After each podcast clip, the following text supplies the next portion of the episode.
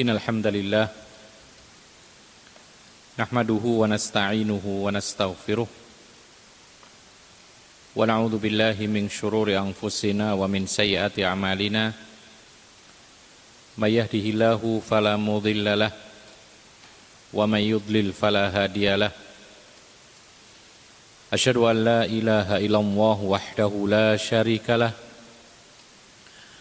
واشهد ان محمدا عبده ورسوله صلوات الله عليه وعلى اله وصحبه ومن تبعهم باحسان الى يوم الدين وسلم تسليما كثيرا اما بعد kaum muslimin dan muslimat yang dimuliakan oleh Allah masih melanjutkan bab as-sabr perintah kesabaran. Kita memasuki hadis nomor 27. Yang mana hadis ini dari seorang bernama Abu Yahya Suhaib Ibnu Sinan. Semoga Allah meridhoinya. Beliau berkata Rasulullah sallallahu alaihi wasallam bersabda Ajaban li amril mu'min. Inna amrahu kullahu lahu khairun. Wa laisa dzalika li ahadin illa lil mu'min. In asabathu sarra'u syakar fakana khairan lah. Wa in asabathu dharra sabar fakana khairan lah. Rawahu muslim. Artinya Nabi wasallam bersabda sangat menakjubkan segala urusan orang yang beriman. Dan sesungguhnya semua perkaranya orang yang beriman itu kebaikan bagi dia. Bagaimana hal itu kata Nabi? Dan hal itu tidak akan terjadi pada seorang pun kecuali orang yang beriman saja. Nabi melanjutkan, orang beriman itu apabila ditimpa kesulitan, apabila ditimpa kebaikan, kemudahan, kenikmatan maka dia bersyukur lalu hal itu menjadi baik baginya. Dan apabila ditimpa keburukan kesulitan musibah dan lainnya maka dia pun sabar maka kesabaran itu menjadi baik bagi dirinya. Ikhwan azakumullah Demikianlah kehidupan orang mukmin berbeda dengan orang kafir. Semua yang menimpa dirinya akan selalu baik. Baik perkara yang menimpa itu adalah musibah ataupun nikmat. Baik yang menimpa dirinya adalah kesulitan atau kemudahan baik yang menimpa dirinya adalah kesehatan atau sakit, baik yang menimpa dirinya yaitu sesuatu yang membuat dirinya takut atau sesuatu yang membuat dirinya senang. Semuanya ujung-ujungnya adalah kebaikan bagi orang yang beriman. Berbeda dengan orang-orang yang tidak beriman. Maka orang yang tidak beriman mereka ketika mendapatkan musibah berat sedih berkepanjangan sampai putus asa. Kemudian ketika mendapatkan kesenangan apa yang mereka inginkan dapat apa yang mereka cita-citakan terwujud maka mereka senang melampaui batas sampai lupa kepada Tuhannya bergembira, pesta pora. Dan kita bisa melihat sebagian orang yang mengaku beriman tapi memiliki sifatnya orang kafir. Ketika dia senang pesta pora, tidak pandang apakah pestanya halal atau haram. Ada yang pesta narkoba, minum minuman keras. Ada saking senangnya terwujud yaitu keinginannya maka pesta, mohon maaf disebutkan pesta bersama wanita-wanita yang rusak. Ini kadang-kadang mengaku orang yang beriman tetapi dia punya sifat Bukan sifatnya orang yang beriman. Sifatnya orang kafir. Yang tidak mengenal, mengenal Tuhannya. Nah, kaum muslimin dan muslimat yang dimuliakan oleh Allah. Maka orang yang beriman mempunyai keistimewaan dibandingkan dengan orang yang tidak beriman. Segala kondisi yang menimpanya maka menjadi kebaikan. Diuji, tidak diuji, maka akibatnya baik. Bahkan orang yang beriman itu meyakini bahwasanya semua selagi di dunia maka yang ada di hadapannya baik atau buruk itu adalah ujian. Itu yang beriman. Jadi kita sedang senang itu ujian. Kita sedang susah itu ujian. Kita sedang banyak harta itu ujian. Kita sedang kurang harta itu ujian. Karena Allah Subhanahu wa taala mengatakan dalam Al-Qur'an, "Wa nabluukum bisyarri wal khairi fitnah." Kata Allah Subhanahu wa taala, "Dan kami uji kamu sekalian wahai orang-orang yang beriman dengan sesuatu yang buruk dan sesuatu yang baik sebagai ujian. Ini menjadikan kita sadar bahwa memang dunia ini adalah tempatnya balak, tempatnya ujian. Kemudian di akhirat itu bukan tempat balak lagi tapi tempat atau makanul jaza. Tempat pembalasan. Makanya ada istilah Yaumiddin, Malik Yaumiddin. Dialah Allah Subhanahu wa taala yang memiliki hari pembalasan. Jadi dunia ini tempat ujian, kemudian di akhirat tempatnya pembalasan. Dan ujian kadang-kadang menyenangkan, kadang-kadang menyusahkan. Kadang-kadang perkara yang membuat orang itu gembira, kadang-kadang membuat orang itu susah. Ini semuanya ujian. Oleh karena itu, Orang mukmin kalau dia mendapatkan yaitu sesuatu yang buruk diuji dengan keburukan, apa contohnya? Kematian keluarga, hilang hartanya, sakit, kemudian tersesat, yaitu di jalan, kehilangan barang, kehilangan uang, ya, kehilangan jabatan, maka orang yang beriman saat itu diuji dengan keburukan. Kalau dia hadapi dengan kesabaran, maka dengan kesabaran itu dia akan mendapatkan pahala yang luar biasa besarnya. Ada sebuah perkataan para ulama, pahala kesabaran itu berbeda dengan pahala berbagai macam bentuk ibadah yang lain. Pahala kesabaran itu berbeda dengan pahala sedekah. Beda pula dengan pahala sholat. Beda pula dengan pahala zakat. Beda pula dengan pahala berbakti kepada orang tua. Pahala kesabaran itu Allah limpahkan tanpa batas minimal dan maksimal. Allah lipat gandakan terserah Allah berapa kali lipatnya. Sementara amal kebaikan yang lain biasanya Allah lipat gandakan minimal 10 maksimal berapa kemarin? 700. Tapi kalau pahala kesabaran kata Allah Subhanahu wa taala innama yuwaffas sabiruna ajrahum bighairi hisab. Sesungguhnya orang yang sabar akan dilipat gandakan, disempurnakan uh, ganjarannya itu luar biasa banyaknya tanpa dihitung oleh Allah Subhanahu wa taala. Saking banyaknya. Tanpa dihitung karena saking banyaknya.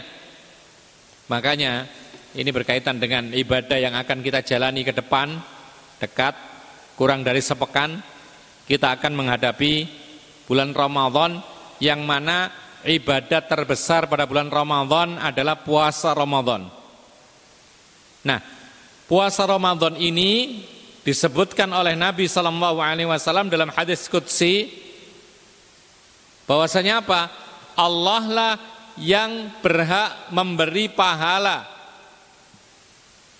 Sementara amalan-amalan yang lain ketika diamalkan sholat maka pahalanya untuk dia. Kemudian sedekah untuk dia. Kemudian haji untuk dia, pelakunya. Rasulullah mengatakan ilas saum fa innahu kata Allah Subhanahu wa taala. Kecuali puasa, maka puasa itu hanya semata-mata khusus buat aku kata Allah Subhanahu wa taala. Kemudian Allah mengatakan dan aku yang memberi pahalanya. Allah tidak menghitung berapa besar pahala orang yang puasa. Bahkan dikhususkan nanti masuk surga bagi orang yang berpuasa itu dari pintu surga yang bernama khusus Ar-Rayyan. Kenapa diistimewakan puasa? Tidak sama dengan sedekah, tidak sama dengan haji dan lain sebagainya. Karena di dalam puasa tersimpan tiga macam ibadah kesabaran. Tiga kesabaran masuk di dalamnya. Orang yang berpuasa itu berarti menjalani kesabaran tiga macam sekaligus. Yang pertama, orang puasa itu dia harus mau tidak mau menjalani sabar di atas ketaatan. Berapa lama kita puasa? Sepekan tidak, sebulan. Berapa lama kita sahur? Sebulan. Berapa lama kita menjalani puasa lapar, haus, dahaga, menahan hawa nafsu, menjaga diri dari berhubungan badan satu bulan penuh. Sabar di atas ketaatan. Terus menerus puasa, puasa, puasa sampai tiba hari raya. Satu, sabar di atas ketaatan kepada Allah Subhanahu wa taala. Yang kedua, sabar dari berbagai macam dosa dan kemaksiatan. Dalam puasa ada jenis sabar kedua. Sabar dari berbagai macam dosa dan kemaksiatan. Dan di antara dosa dan kemaksiatan yang paling besar bagi setiap orang yang berpuasa adalah godaan makanan, minuman. Dia harus menghindari perkara yang halal ini. Ketika dia puasa maka itu menjadi dosa. Perkara yang haram. Maka berlama-lama dia memahan dirinya dari sejak subuh sampai maghrib setiap hari selama sebulan. Dia menghindarkan diri dari perkara ini. Dia bertahan tidak mengumpuli istrinya sebulan penuh. Dan dia menahan diri lisannya jangan sampai berkata kotor. Tidak melaknat, tidak mencaci. Bahkan ketika dicaci oleh orang lain tidak boleh membalas, menahan diri dan mengatakan ini soim. Aku tidak membalas karena aku puasa. Maka itulah sabar yang kedua dalam berpuasa yaitu sabar yaitu dari berbagai macam dosa dan kemaksiatan. Lalu dalam puasa ada jenis sabar yang ketiga. Apa itu? Sabar menghadapi ujian yaitu yang menyulitkan musibah. Jadi orang berpuasa itu dapat musibah. Apa itu? Musibah lapar, musibah dahaga. Sulit. Apalagi kita yang tidak pernah terbiasa puasa sunnah. Kalau yang terbiasa puasa sunnah, Masya Allah. Puasa Ramadan masuk aman. Tapi yang tidak biasa puasa Senin Kemis. Tidak biasa puasa Dawud alaihi salam. Atau tidak pernah berpuasa selama setahun kecuali Ramadan. Pastikan hari pertama Ramadan lemah. Terutama setelah asar. Hari pertama. Kalau tidak terbiasa puasa, di situlah dia mendapatkan ujian musibah kelaparan, kehausan. Bahkan ini tidak khusus hari pertama, setiap hari bagi mereka para pekerja, terutama kerjanya di luar rumah, kepanasan, dia akan mendapati musibah kelaparan, kehausan selama sebulan penuh dan dia harus bertahan dengan apa? Dengan kesabaran dari musibah kelaparan dan kehausan ini. Itulah yang menjadi rahasia kenapa Allah Subhanahu wa taala memberi ganjaran puasa itu tidak sama dengan ganjaran ibadah-ibadah yang lainnya. Nah, orang yang beriman itu ketika mereka mendapatkan ujian berupa sesuatu yang menyenangkan, maka dihadapi dengan syukur. Ketika dapat harta, senang, dia bersyukur. Ketika dia dapat kabar bahwasanya istrinya melahirkan anak, dia senang, bersyukur. Ketika dia dapat kabar bahwa orang tuanya sembuh dari sakit, senang, ujian kesenangan, syukur. Ketika dia sembuh dari penyakitnya, dia dapat ujian sesuatu yang menyenangkan, dihadapi dengan syukur. Ketika naik pangkatnya, naik gajinya, bulanannya, senang, ujian, maka dia hadapi dengan syukur. Maka ketika dia kesulitan dihadapi dengan sabar, dia dapat pahala kesabaran, maka tatkala dia mendapatkan ujian kesenangan, sesuatu yang menyenangkan, dihadapi dengan syukur, maka berlipat-lipat pahalanya, yaitu pahala orang-orang yang pandai bersyukur. Tetapi kita harus mengetahui bagaimana orang bersyukur itu. Apa sih yang harus dilakukan oleh orang yang ingin bersyukur kepada nikmat Allah Subhanahu wa taala? Maka jawabannya adalah ada tiga hal yang harus dilakukan bagi orang yang ingin bersyukur atas nikmat Allah Subhanahu wa taala. Yang pertama yaitu syukrul qalbi. Mensyukuri nikmat Allah dengan hati. Ini yang pertama, ini wajib, bahkan ini syarat atau rukunnya syukur. Jadi hati betul-betul harus bersyukur. Bagaimana caranya? Bi an ya'taqid anna ni'ama min indillahi wahdahu la syarikalah. Meyakini dalam hati karena hati itu urusannya keyakinan. Amalan hati maka mensyukuri Allah dengan hatinya adalah dengan cara apa? Meyakini bahwa semua nikmat yang ada ini semata-mata dari Allah saja tidak ada yang bersekutu di dalamnya. Tidak ada yang bersekutu. Ya. Tidak ada satupun yang bersekutu dengan Allah memberi nikmat ini. Semuanya semata-mata dari Allah. Nikmat apa pun. Nikmat iman, nikmat Islam, Subhanallah kalau kita mau merenung kembali, kita ini bersyukur dan intinya. Kenapa? Allah pilih kita menjadi orang Islam. Bayangkan kalau Allah pilih kita menjadi orang bukan Islam, bagaimana nasib kita di akhirat kelak? Nauzubillah min dalik. Tapi Allah Subhanahu wa taala dengan kemurahannya memilih kita menjadi orang yang dapat hidayah Islam. Tinggal kita bagaimana menjaga supaya kita istiqomah. Dan itu salah satu bentuk syukur. Semua nikmat. Nikmat iman, nikmat Islam atau nikmat dunia, kesehatan, waktu, kemudian harta, keluarga, teman dekat, keamanan, kenyamanan, ketenangan hati. Ini semua nikmat. Bayangkan orang kalau nggak tenang, uang banyak tidak ada guna, rasa takut, harta melimpah tidak berguna, kalau dia tidak merasa aman. Tidak ada rasa aman. Maka semua serba tidak nyaman. Demikian pula sehat. Itu nikmat yang luar biasa. Bayangkan kalau orang sakit, uang berlipat-lipat, banyak sekali tidak berguna. Rumah mewah, nyaman, sejuk. Dia tidak bisa merasakan kalau sakit karena dia harus ke rumah sakit.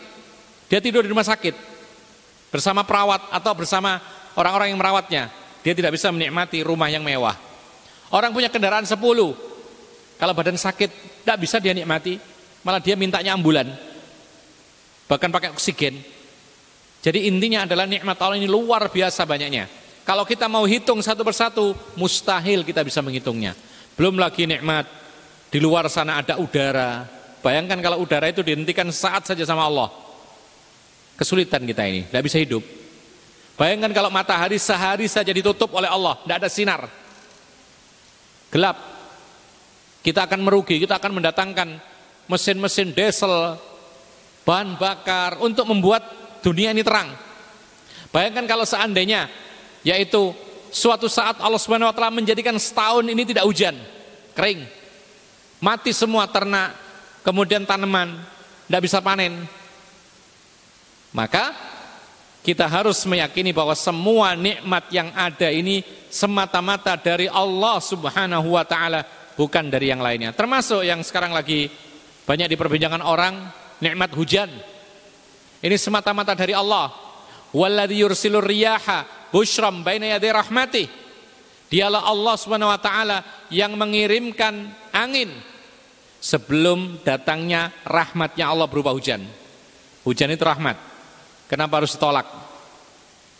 Adapun cara supaya yaitu menghentikan hujan atau mengalihkan hujan sudah diajarkan oleh Nabi SAW dengan berdoa Allahumma hawalaina wala alaina Allahumma ala dhirabi wa butunil audia itu yang dicontohkan oleh Nabi ketika dirasa hujan itu akan menjadikan mudarat di suatu daerah maka Rasul berdoa dengan mengangkat tangan ya Allah turunkan hujan ini kepada tempat-tempat sekitar kami yang belum kena.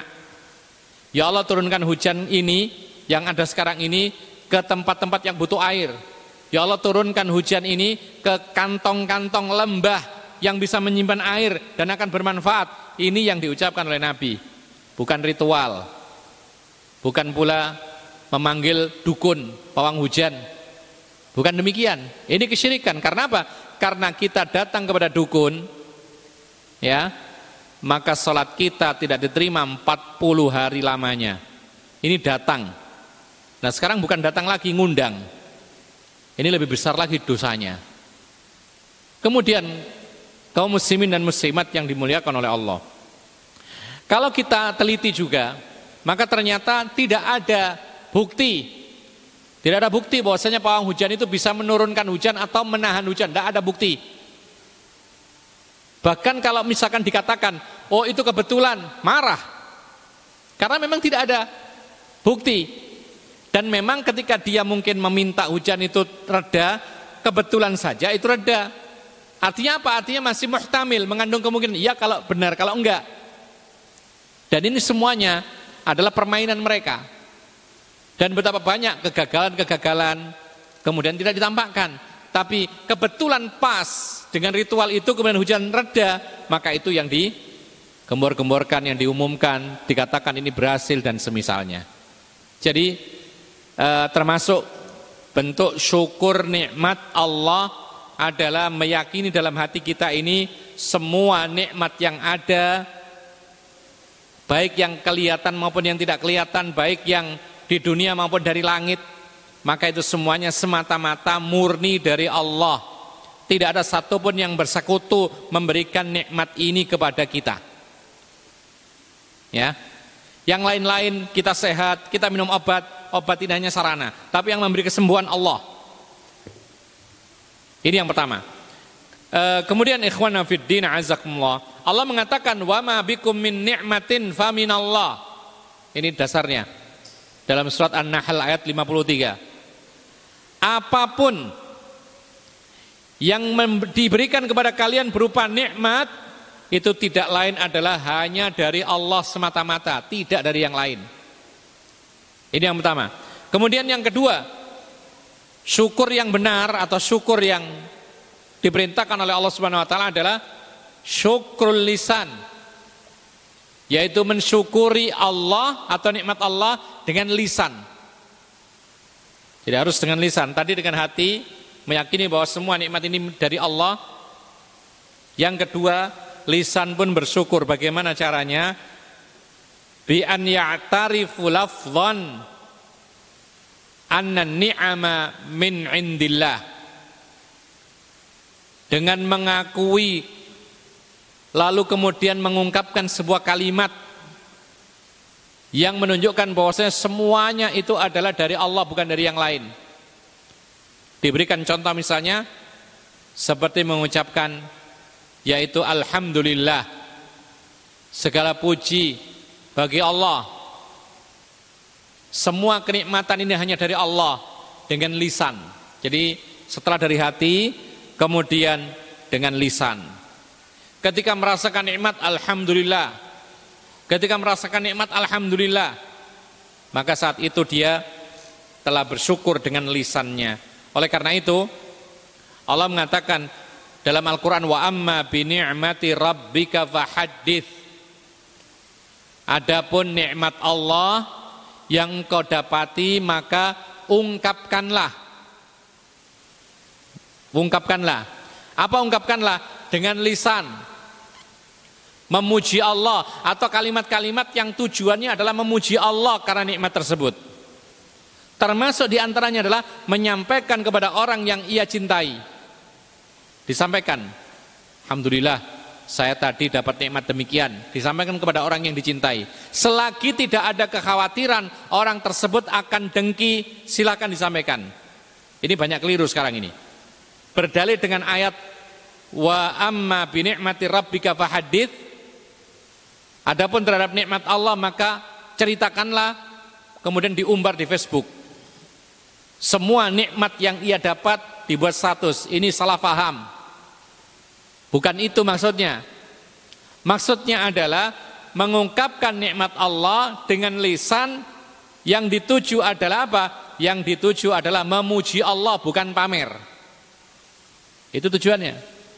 Boleh juga diungkapkan diceritakan kepada orang lain yang ia cintai. Syaratnya apa?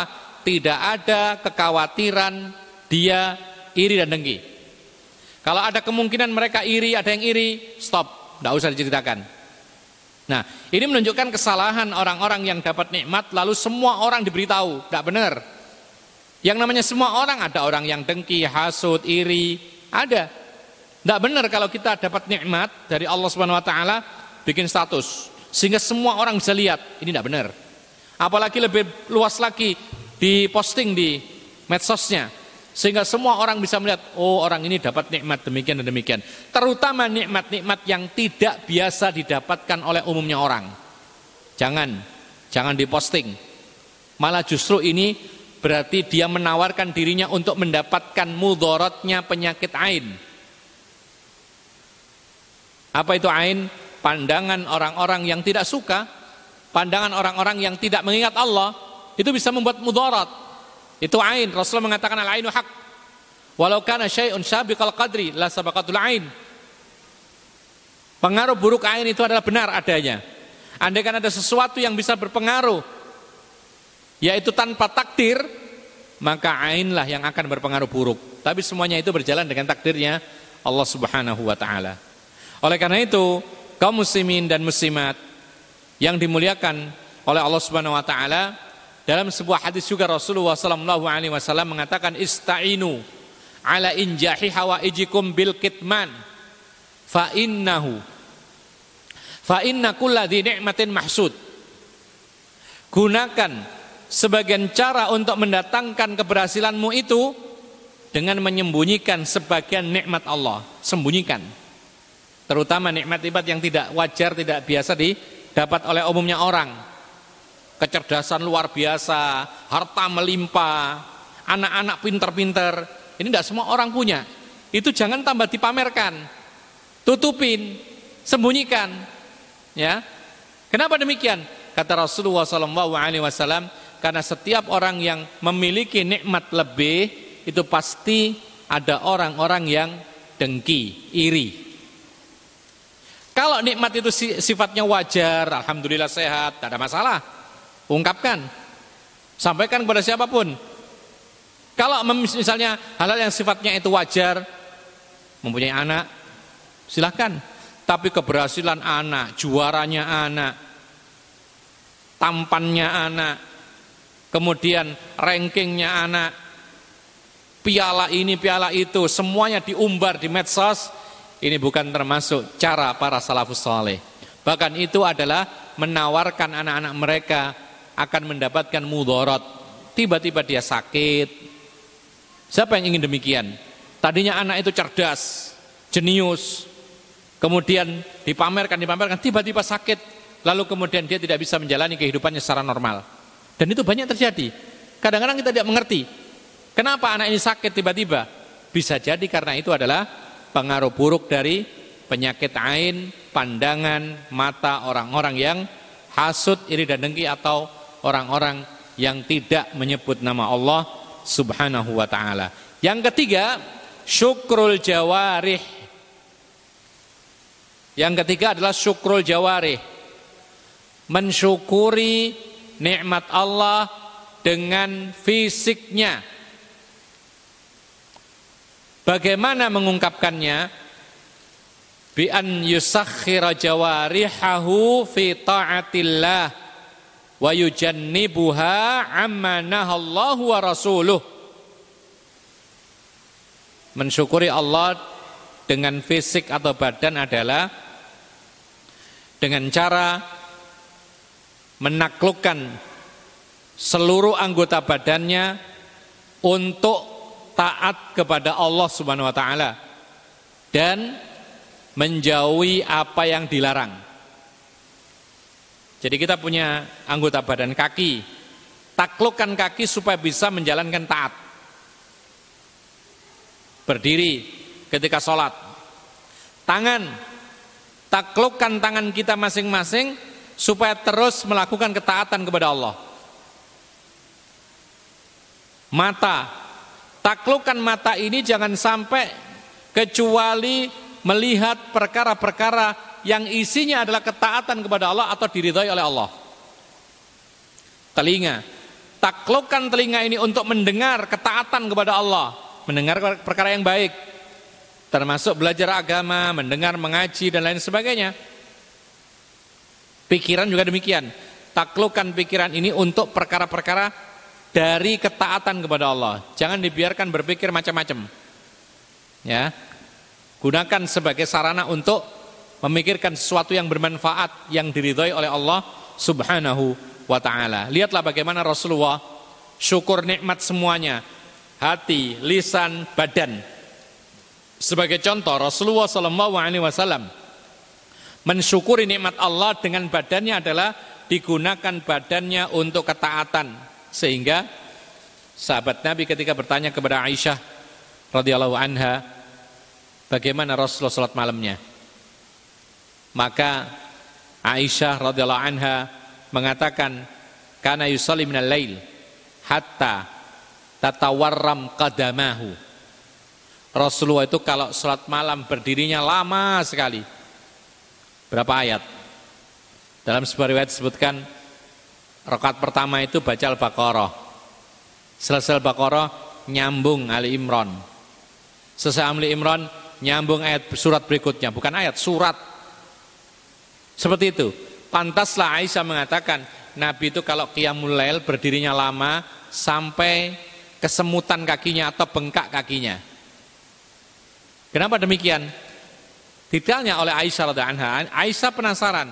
Sampai Aisyah mengatakan, "Wahai Rasulullah, Bukankah Allah telah mengampuni semua dosamu yang telah lalu dan akan datang kalau ada pasti diampuni? Kenapa engkau sholat demikian lama?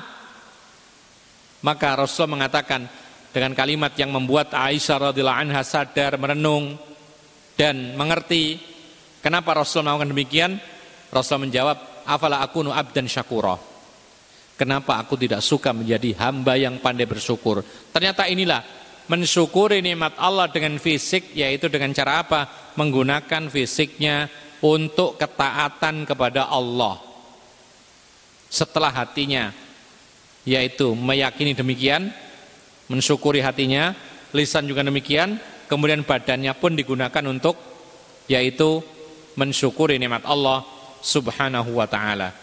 Kemudian kaum muslimin dan muslimat yang dimuliakan oleh Allah. Abu Hazim tatkala ditanya Abu Hazim ini seorang uh, ulama dahulu ditanya oleh muridnya yaitu bagaimana sih syukur nikmat dengan menggunakan mata?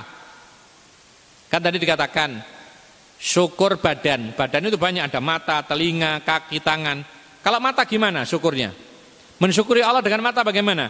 Dia mengatakan idza ra'aita bihima khairan zakartahu wa idza ra'aita bihi masyarran satartah satartahu. Kata beliau bersyukur dengan mata dan mata itu termasuk anggota badan. Bersyukur kepada Allah dengan mata adalah kalau engkau melihat dengan kedua matamu suatu kebaikan ini kadang-kadang lewat aja ya kalau engkau melihat kebaikan dengan matamu, usahakan matamu mengingat kebaikan itu. Ingat kebaikan dengan pandangan itu. Ingat-ingat, oh ini kebaikan. Ya. Dilihat ayat-ayat Allah diingat. Kebaikan dilihat, diingat.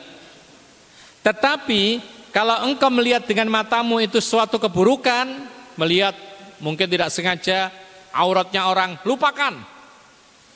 Ya, jangan diingat-ingat dengan matamu, sudah hilang, hilangkan. Itulah syukur nikmat dengan kedua mata. Kemudian dia mengatakan lagi ketika ditanya, lalu kalau dengan telinga bagaimana? Syukur nikmat dengan telinga. Caranya adalah ketika engkau mendengar telingamu mendengar suatu kebaikan, maka cepat direkam. Rekamlah kebaikan itu. Ingat-ingat, jangan dilupakan. Tapi kalau engkau mendengar sesuatu yang tidak baik, buruk, maka abaikan, segera lupakan, jangan disimpan di telingamu. Ketika lewat mendengar yaitu acara musik yang isinya luar biasa buruknya, Apalagi sekarang syair-syair, lagu-lagu nyanyian-nyanyiannya isinya adalah hal-hal yang tidak jauh-jauh daripada perkara lawan jenis. Tidak jauh dari percintaan, bahkan percintaan yang haram. Tidak jauh dari hubungan badan. Tidak jauh-jauh dari menyebutkan secara detail tentang keindahan wanita, asmara, ini semuanya syair-syair yang terlarang dalam Islam. Kadang-kadang sih kita mendengar, kadang-kadang bahkan kita ini terpaksa ya. Di dalam bis, apalagi bisnya bis luar kota, luar provinsi kan lama itu. Itu diputar lagu-lagu yang nggak baik. Maka seperti ini, syukur nikmat dengan telinga kita, masuk ke telinga kita segera abaikan, jangan digubris. Bila perlu sibukkan telinga dengan yang lain. Ini bahaya ini. Karena kalau sudah terbiasa begitu akhirnya menikmati gitu. Ya. Menikmati dan kadang-kadang kita tidak tidak terasa ketika lewat kemudian ada acara musik kemudian kita ikut manggut-manggut begitu. Ini pertanda menikmati seperti ini. Abaikan. Itu syukur nikmat berupa telinga. Jadi diabaikan, segera dilupakan, jangan lagi diingat-ingat. Ya. Nah, itulah bentuk syukur yang sempurna dengan hati, dengan lisan, dan dengan badan. Hadis yang berikutnya. Yaitu nomor 28. Wa an Anasin radhiyallahu anhu qol. Dari Anas bin Malik semoga Allah meridainya. Lama sakulan Nabi sallallahu alaihi wasallam ja'ala yataghashshahul karbu. Dahulu kata Anas tatkala Nabi Shallallahu Alaihi Wasallam sakit keras, sakit keras, yang ujung-ujungnya meninggal dunia, maka Rasulullah Shallallahu Alaihi Wasallam diliputi dengan kesulitan. Jadi Rasulullah mendapati kesulitan.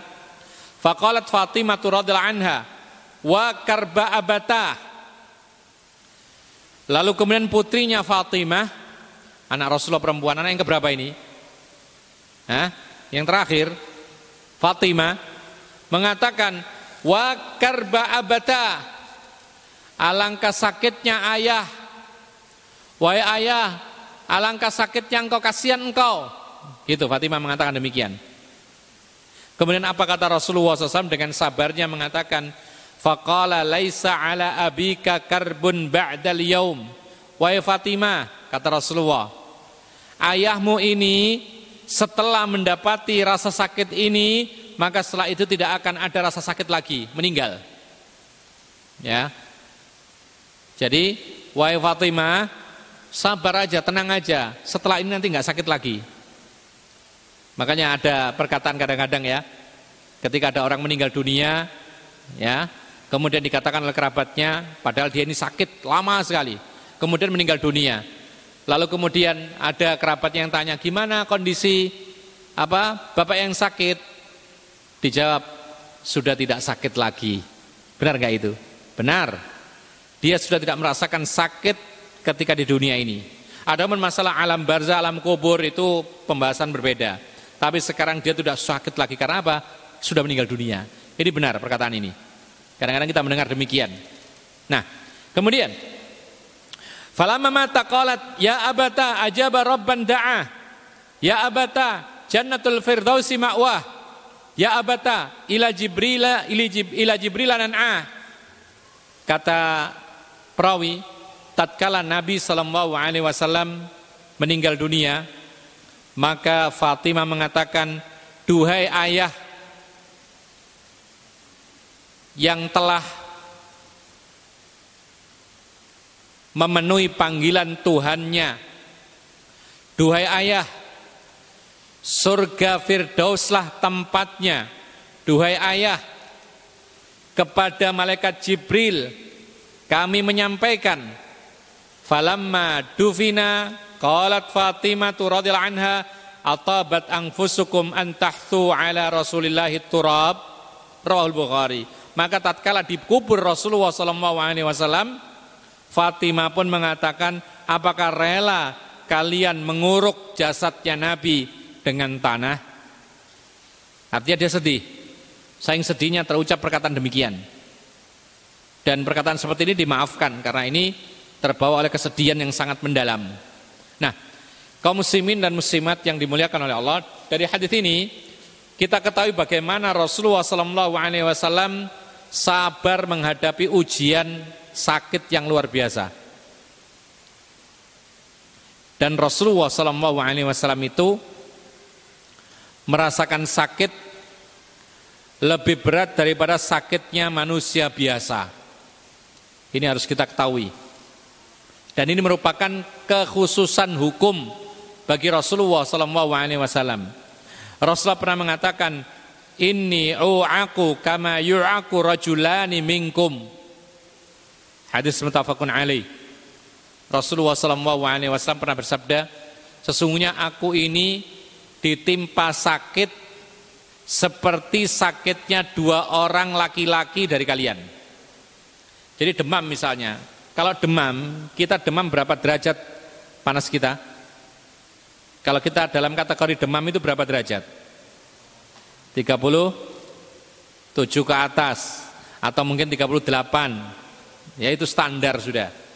Jadi 38 sudah nggak boleh masuk mall. Kalau musim wabah kan gitu. Karena apa? Karena dikategorikan demam, sakit. Itu kita biasa, orang biasa. Zaman dulu pun juga demikian para sahabat Nabi demam.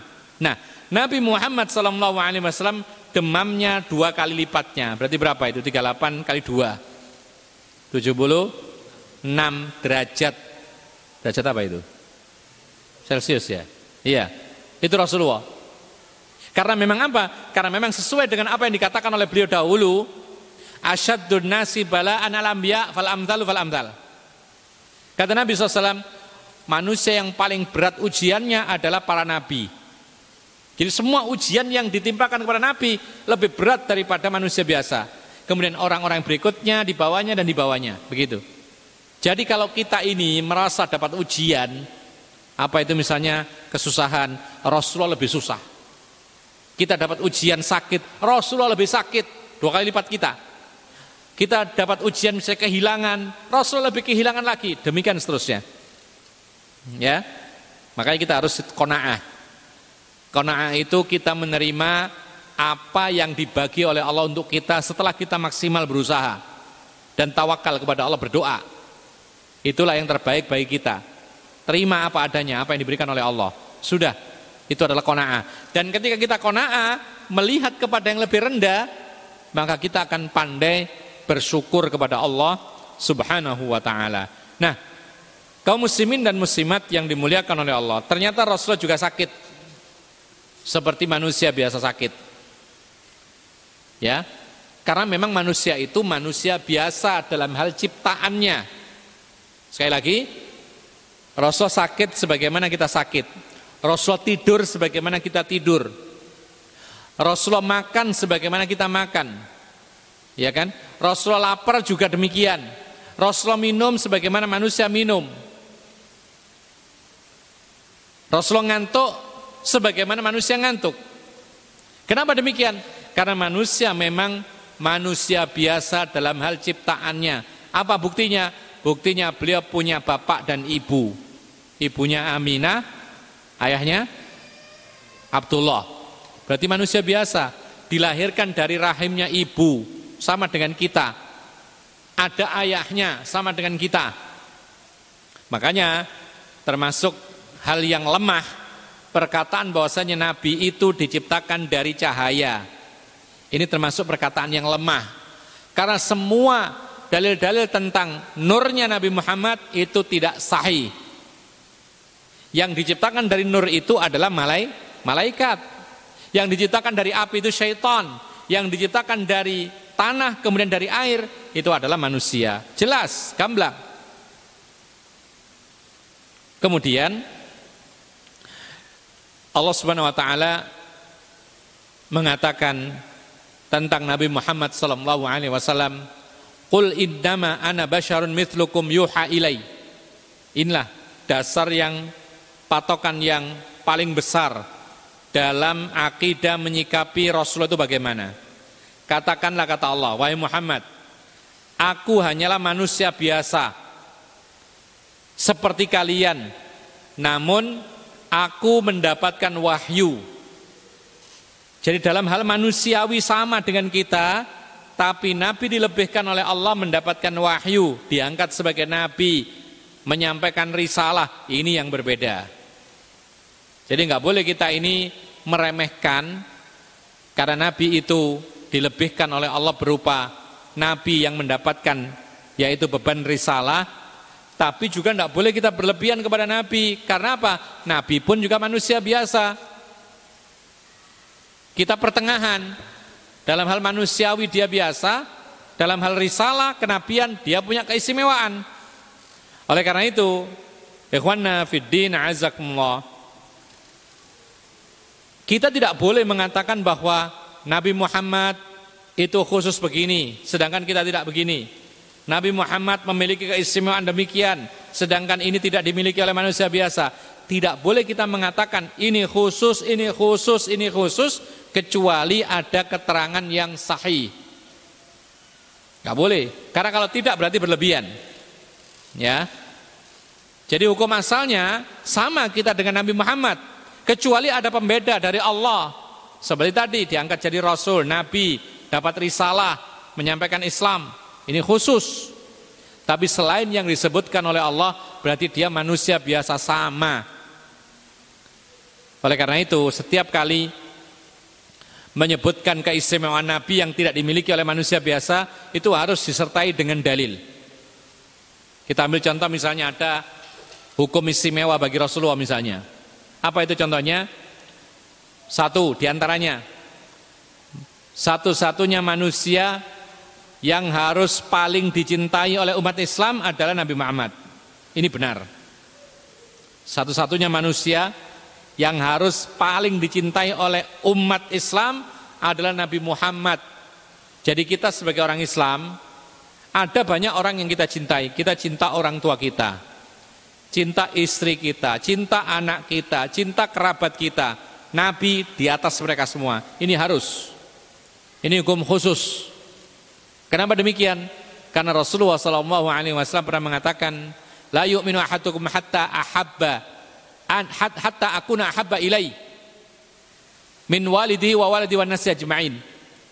Kata Nabi sallallahu alaihi wasallam, tidak sempurna iman seseorang sehingga aku adalah manusia yang paling ia cintai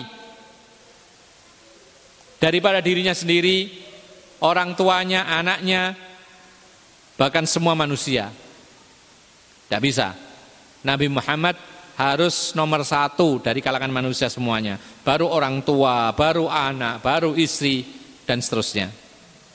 Jadi jikalau istri kita meminta sesuatu Lalu Nabi melarang kita harus ikuti apa yang disampaikan oleh Rasulullah. Itu baru cinta kepada Rasulullah pertama kali. Kalau ada orang istrinya minta A, Nabi melarang, dia turuti istrinya, berarti dia lebih cinta kepada istrinya daripada kepada Rasulullah Sallallahu Alaihi Wasallam. Ini banyak terjadi. Istrinya melarang suaminya, Mas, gak usah keluar, gak usah sholat ke masjid. Oh ya, patuh. Padahal Rasulullah nyuruh kaum laki-laki ke masjid. Berarti dia kurang cinta kepada Rasulullah Sallallahu Alaihi Wasallam. Kemudian di antara keistimewaan yang dimiliki oleh Rasulullah SAW, beliau adalah manusia pertama kali mengetuk pintu surga, dibukakan pintu surga, dan manusia pertama kali masuk surga adalah Nabi Muhammad. Ini khusus, karena ada dalilnya. Dalam hadis-hadis yang sahih, Rasulullah mengatakan, akulah manusia pertama kali mengetuk pintu surga. Dan manusia yang paling pertama kali dibukakan pintu surga. Dan manusia paling pertama masuk ke dalam surga. Itu Rasulullah SAW. Kemudian juga termasuk keistimewaan Nabi pernah pada zaman Rasulullah bulan ini dibelah jadi dua. Demikian ada dalam hadis yang sahih. Bahkan Allah mengatakan iqtarabatis sa'atu wan syaqqal qamar. Hari kiamat menjadi dekat dan bulan sudah pernah terbelah. Itu di zaman Nabi disaksikan oleh semua manusia saat itu. Disaksikan. Ini hukum khusus bagi Rasulullah SAW. Ada lagi yang disebutkan oleh para ulama. Innahu la yahtalim wan nasu yahtalimun. Termasuk keistimewaan Nabi, Nabi tidak pernah mimpi basah. Ya. Sementara manusia biasa mengalami yang namanya mimpi basah. Kenapa demikian? Karena Rasulullah mengatakan al-ihtilamu minasyaiton. Mimpi basah itu sebabnya syaitan. Sementara Allah menjaga Rasulullah SAW dari gangguan syaitan.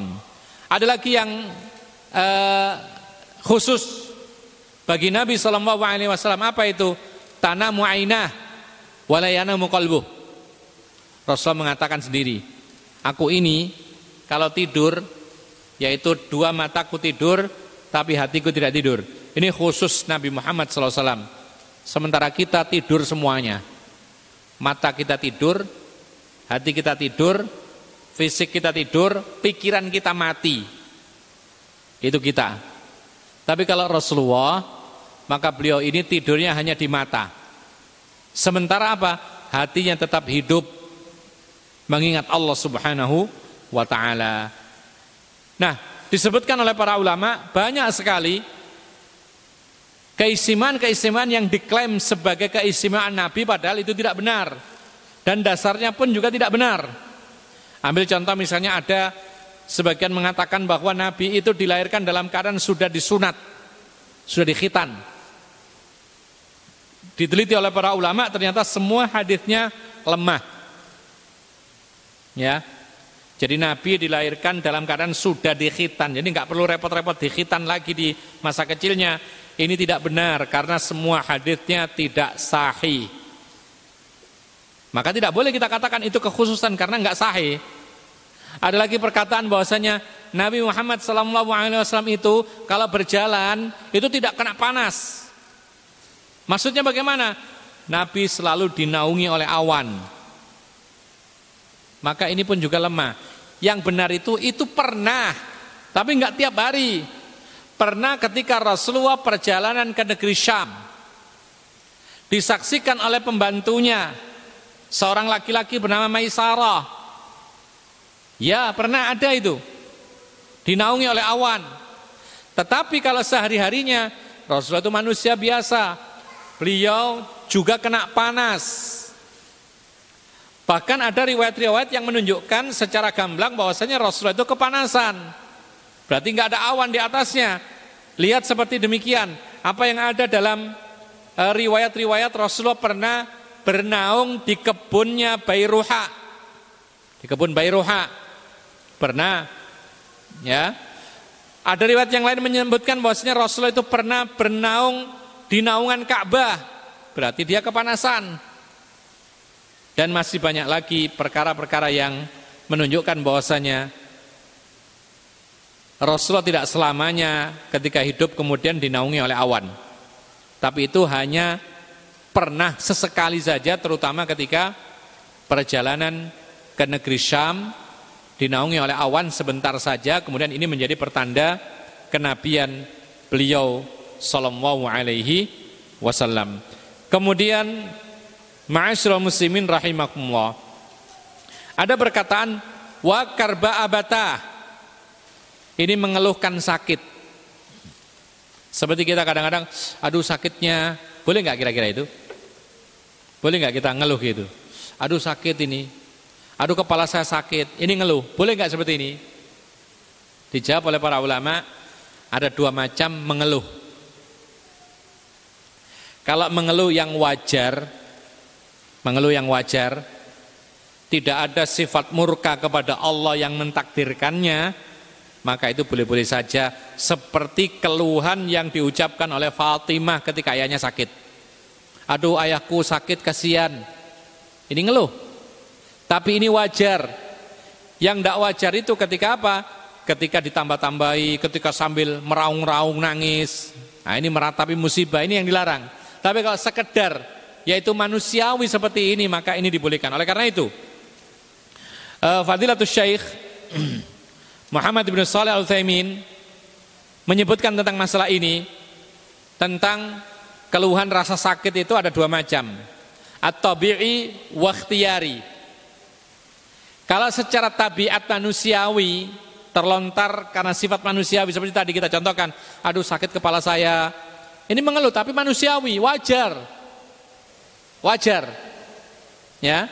Maka ini boleh, tetapi kalau biktiari sengaja mengeluh, mempertunjukkan keluhannya, meraung-raung, tambahi menangis-nangis, maka inilah yang tidak diperkenankan. Kenapa demikian? Karena itu menafikan atau meniadakan sifat sabar ketika dapat musibah sakit. Ya.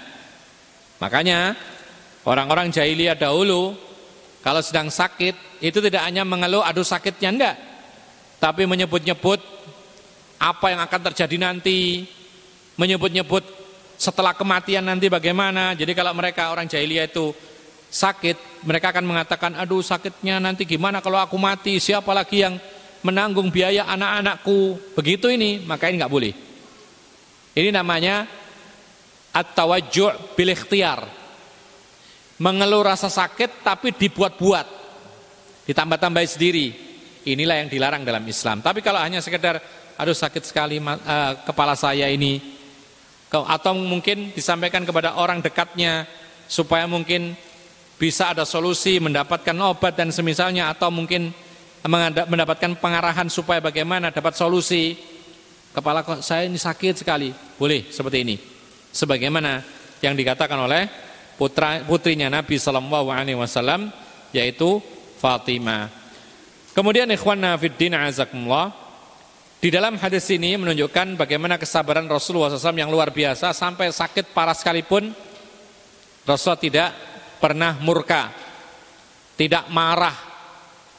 Bahkan Rasul dengan sabarnya mengatakan setelah ini tidak akan sakit lagi ayahmu. Dan ternyata betul, ketika meninggal dunia sudah Rasulullah SAW nyaman di alam barzah sampai di akhirat kelak. Dan ini menunjukkan kepada kita bahwasanya dunia ini memang betul-betul darul bala tempat ujian seperti yang kita katakan tadi. Dan ujian itu berbagai macam. Baik itu yang menyakitkan atau yang menyenangkan dan puncaknya ujian di dunia adalah seperti yang dikatakan oleh Allah Subhanahu wa taala Wa'bud rabbaka hatta ya'tiyakal yakin. Tetap beribadalah kepada Allah sampai datang kepadamu kematian. Maka kalau seorang hamba sudah meninggal dunia, maka saat itulah selesai ujiannya di dunia. Oleh karena itu ikhwan abidin azakumullah, Rasulullah SAW mengatakan, "Isnatani yakrahuhum ibnu Adam." Qillatul mal wal maut. Ada dua perkara yang sangat dibenci oleh manusia. Dua perkara yang selalu dibenci oleh manusia. Yang pertama, harta yang sedikit. Yang kedua, kematian. Ini semua ujian. Maka Rasulullah SAW mengatakan padahal wal mautu khairun lil mu'mini minal fitnah. Padahal kematian itu lebih baik bagi seorang mukmin sehingga dia tidak lagi diuji. Justru dengan kematian itu selesai ujian. Tapi banyak orang nggak suka menghindari kematian. Ya. Kemudian kata Rasulullah SAW, wakilatul mali akalu fil hisab. Sementara sedikitnya harta itu menyedikitkan hisab. Mestinya orang-orang yang diuji dengan sedikit harta bergembira. Kenapa demikian? Di akhirat nggak banyak banyak perhitungan. Ya. Namun bukan berarti kemudian tidak boleh kaya, boleh. Asalkan apa? Bersyukur karena tadi kita katakan menghadapi ujian ada dua cara. Kalau ujian itu menyulitkan, dihadapi dengan sabar. Ujian menyenangkan, dihadapi dengan syukur. Insya Allah dua-duanya menjadi kebaikan. Ikhwana fiddin azakumullah. Maka itulah dua hadis yang bisa kita sampaikan. Dan insya Allah kita akan sambung kembali setelah sholat maghrib insya Allah. Dan kita masuk kepada hadis yang nomor 29 insya Allah ta'ala. Allahu alam. Ini yang bisa kita sampaikan wa akhiru da'wana anil hamdulillahil alamin wa sallallahu ala nabiyina Muhammad wa ala alihi wa sahbihi ajma'in subhanakallahumma bihamdika asyhadu an la ilaha illa anta astaghfiruka wa atubu ilaik wassalamu alaikum warahmatullahi wabarakatuh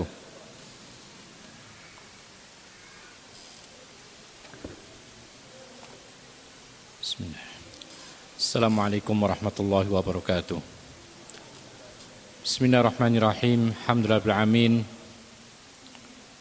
Wa nusalli wa nusallimu ala al-mab'uts rahmatan lil alamin.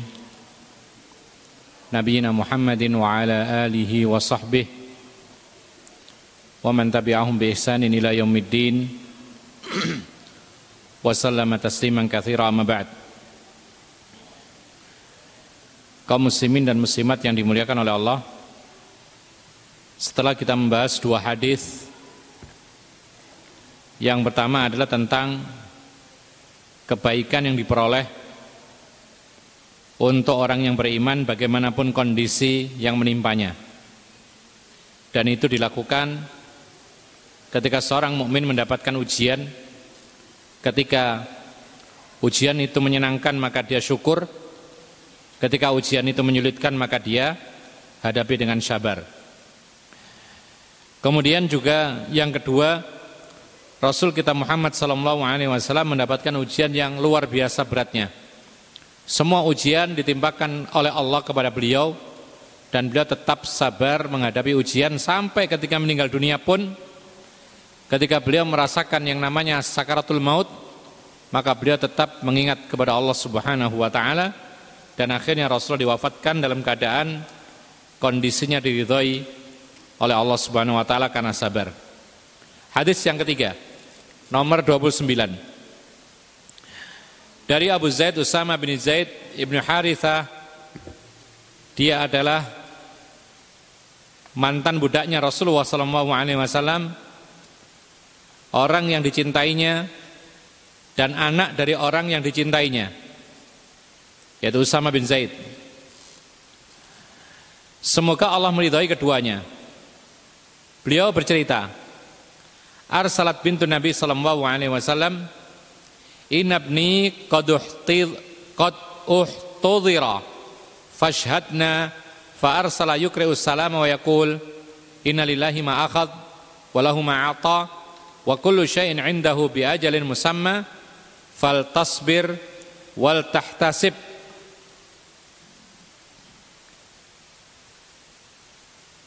Kata Zaid bin Osama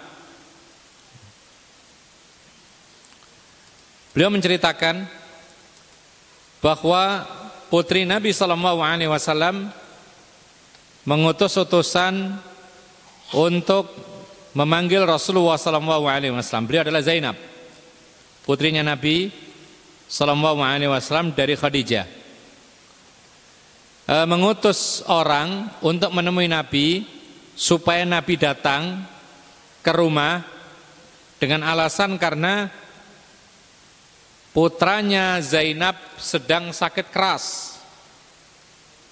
Lalu Nabi pun karena kesibukan dan semisal, maka Nabi hanya kirim salam. Sampaikan salam kepadanya dan katakan sesungguhnya Allah Subhanahu wa taala memiliki apa yang ia ambil. Dan Allah Subhanahu wa taala memiliki apa yang ia beri.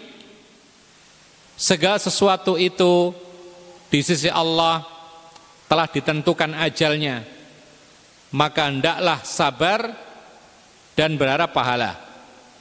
Itu yang disampaikan oleh Nabi ketika beliau awalnya tidak datang ketika dipanggil oleh putrinya. Kemudian fa'ar salat ilaihi tuksimu bihi alaihi liyak naha kemudian si Zainab putrinya Nabi Shallallahu Alaihi Wasallam mengutus orang lagi dan dalam utusan pada utusan itu disampaikan sumpah atas nama Allah. Jadi eh, Zainab mengutus orang lalu kemudian diperintahkan untuk mengatakan kepada Nabi dengan sumpah. Aku bersumpah dengan nama Allah wahai Nabi, engkau datanglah ke yaitu rumahnya Zainab. Lihat anak ini, anaknya Zainab cucunya Nabi Shallallahu Alaihi Wasallam. Maka karena Zainab sudah bersumpah dan ini termasuk adab ketika ada orang bersumpah maka kita harus mendatangi.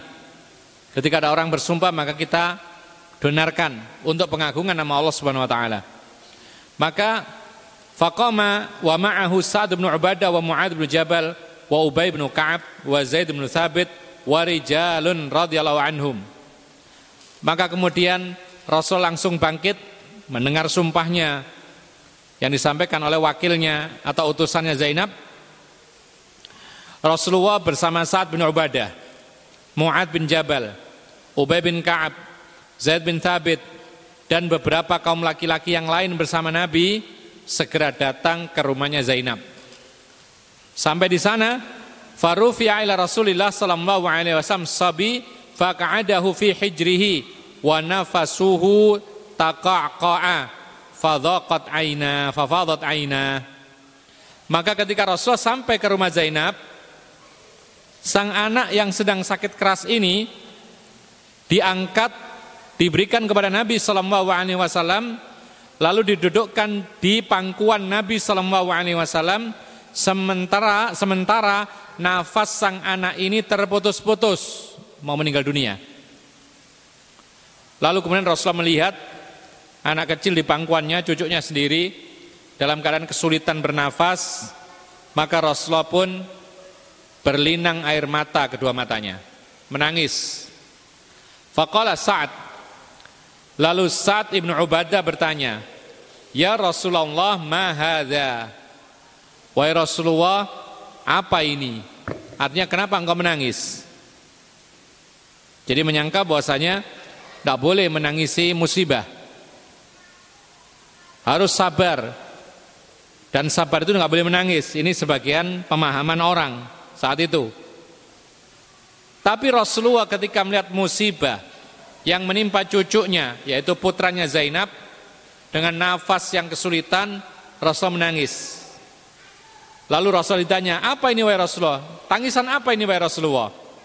Rasulullah SAW menjawab, hadhihi rahmatun ja'alallah fi qulubi ibadihi wa fi riwayatin fi qulubi man syaa min ibadihi wa inna ma yarhamullah min ibadihi ruhama muttafaqun alaih.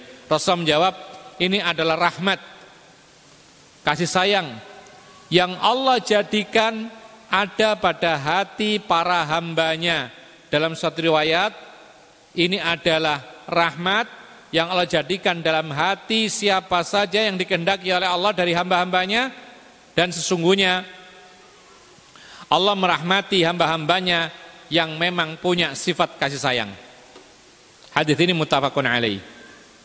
Kaum muslimin dan muslimat yang dimuliakan oleh Allah, ini menunjukkan bagaimana Rasulullah SAW tetap sabar meskipun menangis. Dan ada sebuah perkataan dikatakan oleh para ulama, menangis yang bersifat manusiawi itu boleh-boleh saja. Menangisi musibah boleh-boleh saja asalkan wajar. Dan itu terjadi pada Rasulullah SAW dan menangis ketika dapat musibah, terutama musibah berat, ini merupakan sifat yang muncul dari hati berupa kasih sayang. Jadi tidak boleh dicela. Jadi kalau antum misalnya ada orang menangisi keluarga yang meninggal dunia jangan dilarang. Karena kita dapati kadang-kadang ketika di dalam suatu peristiwa ada kematian, kemudian salah satu anggota keluarganya menangisi mayat, lalu datang-datang orang kemudian melarang, tidak usah nangis, haram hukumnya, nggak boleh. Maka yang melarang ini justru salah. Ternyata Rasulullah sendiri pun menangisi kematian cucunya, yaitu putranya Zainab. Bahkan dalam sebuah riwayat Rasulullah pernah menangisi putranya yang bernama Ibrahim, ibnu Nabi Shallallahu Alaihi Wasallam. Bahkan Umar pun ketika itu bertanya, wahai Rasulullah, bukankah engkau melarang untuk menangis? Rasulullah mengatakan, yang kami ucapkan adalah perkataan yang diridhoi oleh Allah. Hati ini bersedih, mata ini menangis, itu wajar. Yang tidak boleh itu adalah berlebihan. Nah, kaum muslimin dan muslimat yang dimuliakan oleh Allah Subhanahu wa taala. Eh, Rasulullah sallallahu alaihi wasallam dipanggil pulang atau dipanggil untuk melihat anaknya yang sedang keras, sakit keras. Maka para ulama mengatakan di sini boleh-boleh saja apabila ada orang atau keluarga yang mendapati anggota mereka ini, anggota keluarga mereka ini sakit keras, maka boleh memanggil orang-orang yang mulia, orang-orang yang berilmu, dipanggil. Untuk apa? Untuk datang agar supaya apa? Agar supaya bisa mengarahkan kepada kebaikan. Ya. Mengarahkan kepada kebaikan. Kadang-kadang karena beratnya musibah sehingga anggota keluarga lupa apa saja yang disyariatkan, lupa kemudian meratapi musibah, lupa dengan petunjuk Nabi Muhammad SAW, maka dipanggil orang yang mulia, orang yang berilmu supaya mengajarkan kepada mereka petunjuk yang benar ketika menghadapi musibah. Atau mungkin mendoakan orang yang sakit, bisa jadi, terutama mereka yang diharapkan doanya bisa makbul, dipanggil, diundang untuk melihat orang yang sedang sakit parah. Ini boleh. Kemudian Rasulullah SAW diminta atau diundang datang oleh Zainab padahal Rasulullah SAW saja yang diminta datang. Ya, tadi yang diminta datang adalah Rasulullah saja, tapi Rasulullah datang bersama banyak sahabatnya. Apa artinya di sini? disebutkan oleh para ulama bahwasanya boleh mengajak orang lain ketika takziah meskipun orang lain itu tidak diundang. Ini berbeda dengan apa? Mengajak orang lain padahal tidak diundang orang lain itu untuk datang acara makan-makan. Ini tidak boleh. Jadi kalau kita diundang orang untuk makan, jangan ngajak orang kecuali minta izin. Tapi kalau dipanggil untuk melihat orang sakit, takziah, datul marid, menyungguh orang sakit di rumah sakit, ngajak orang yang mungkin tidak dikenal oleh orang yang sakit, boleh dan ini dasarnya. Tapi kalau undangan walima misalnya makan-makan, maka tidak boleh mengajak orang kecuali yang diundang. Kecuali kalau kita memberitahukan bahwasanya saya akan bawa teman ya. Kalau pengundang setuju maka silakan, kalau tidak maka tidak diperkenankan. Kemudian ikhwan nafiddin azakumullah. Ini ada hal yang dianjurkan ketika orang yang berilmu menghadapi suatu keluarga yang mendapatkan musibah berat maka dianjurkan orang yang berilmu itu memberi nasihat yang baik yaitu tentang kesabaran. Lihat bagaimana Nabi Wasallam mengatakan, Innalillahi ma'akhad walahu ma'ata wa kullu syai'in indahu bi ajalin musamma faltasbir wal tahtasib. Ini doa ikhwan atau ini adalah ucapan menghibur. Ya. Ini termasuk ucapan takziah dan juga boleh kepada apa keluarga yang sedang ditimpa musibah. Tidak harus kematian. Karena apa? Karena ini belum mati. Rasulullah mengucapkan innalillahi ma'akhad sesungguhnya hanya milik Allah apa yang ia ambil walau ma'ata hanya milik Allah apa yang ia beri Wa kullu syai'in indahu bi ajalin musamma. Segala sesuatu telah ditentukan ajalnya oleh Allah. Fal tasbir wal tahtasib. Hendaklah bersabar dan berharap pahala. Sabar maka dia dapat pahala, ihtisab berharap pahala maka dapat apa yang dia harapkan. Maka para ulama mengatakan juga ini nasihat kepada orang yang sedang dalam keadaan mendapati musibah yang berat. Ucapkan kepada mereka, kalau nggak ngerti bahasa Indonesia-nya, eh, bahasa Arabnya, bahasa Indonesia boleh. Katakan kepada mereka nasihat, sesungguhnya semua ini milik Allah. Allah berhak mengambil, Allah berhak memberi. Segala sesuatu telah ditentukan ajalnya oleh Allah. Maka sabarlah dan berharap pahala. Niscaya apa? Niscaya engkau akan dapat pahala yang melimpah dari Allah Subhanahu wa taala. Kemudian uh, di sini para ulama mengatakan demikianlah Rasulullah Sallallahu Alaihi Wasallam membuktikan apa yang ia ucapkan bahwasanya barang siapa yang disumpahi dengan nama Allah maka hendaklah ia memberikan jawaban artinya membenarkan. Ya.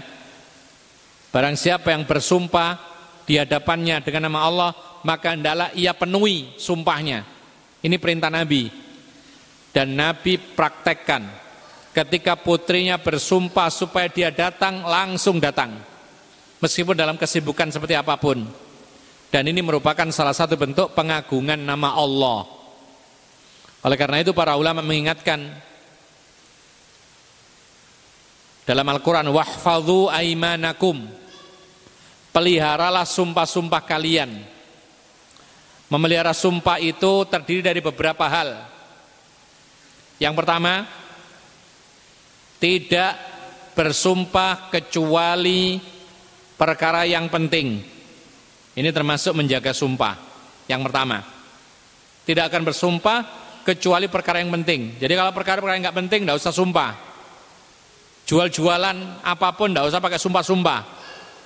Karena orang yang berjualan pakai sumpah-sumpah terus itu biasanya apa? Biasanya bohong.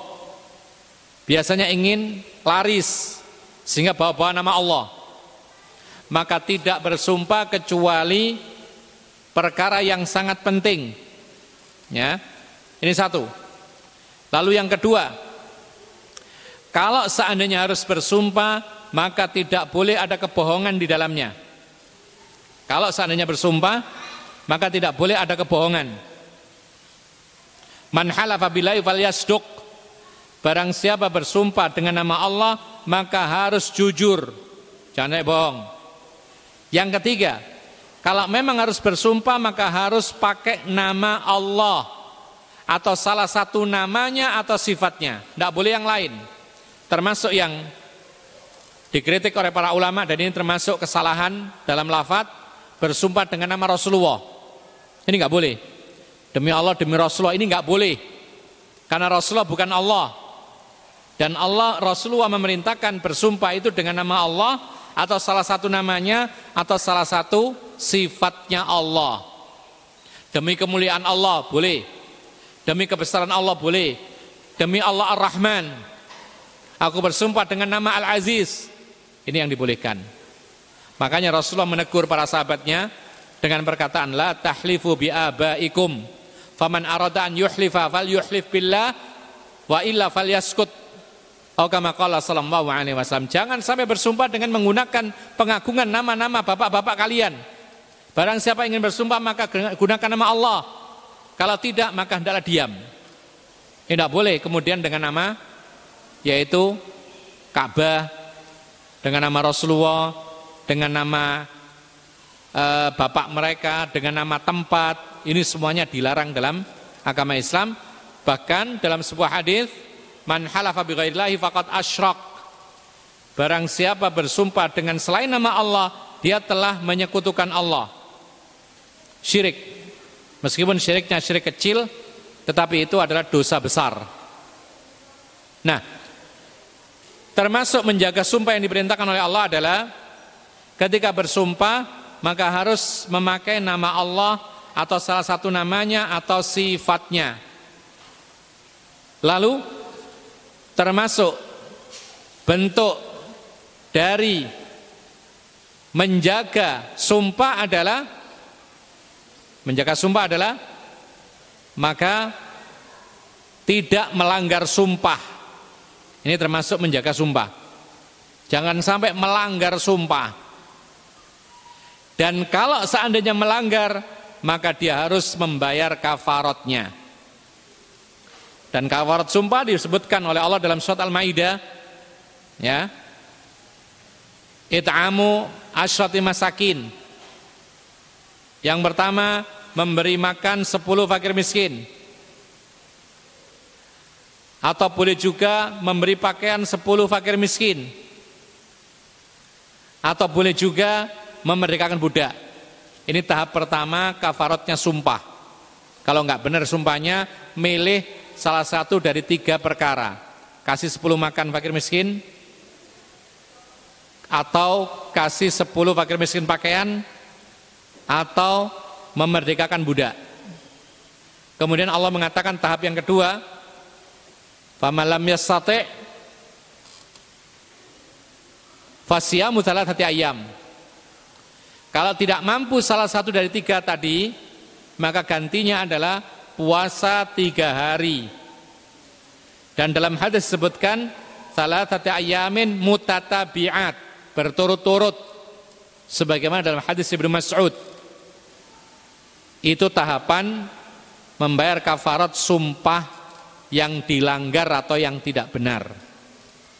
Jadi pertama memilih tiga hal, jadi bukan langsung puasa, memilih tiga hal ini salah satunya, kalau tidak mampu tiga-tiganya baru beralih kepada puasa tiga hari berturut-turut sebagaimana dalam hadis Rasulullah Sallallahu Alaihi Wasallam. Kemudian kaum muslimin dan muslimat yang dimuliakan oleh Allah Subhanahu wa taala. Di sini ada sebuah perkataan Nabi sallallahu alaihi wasallam yaitu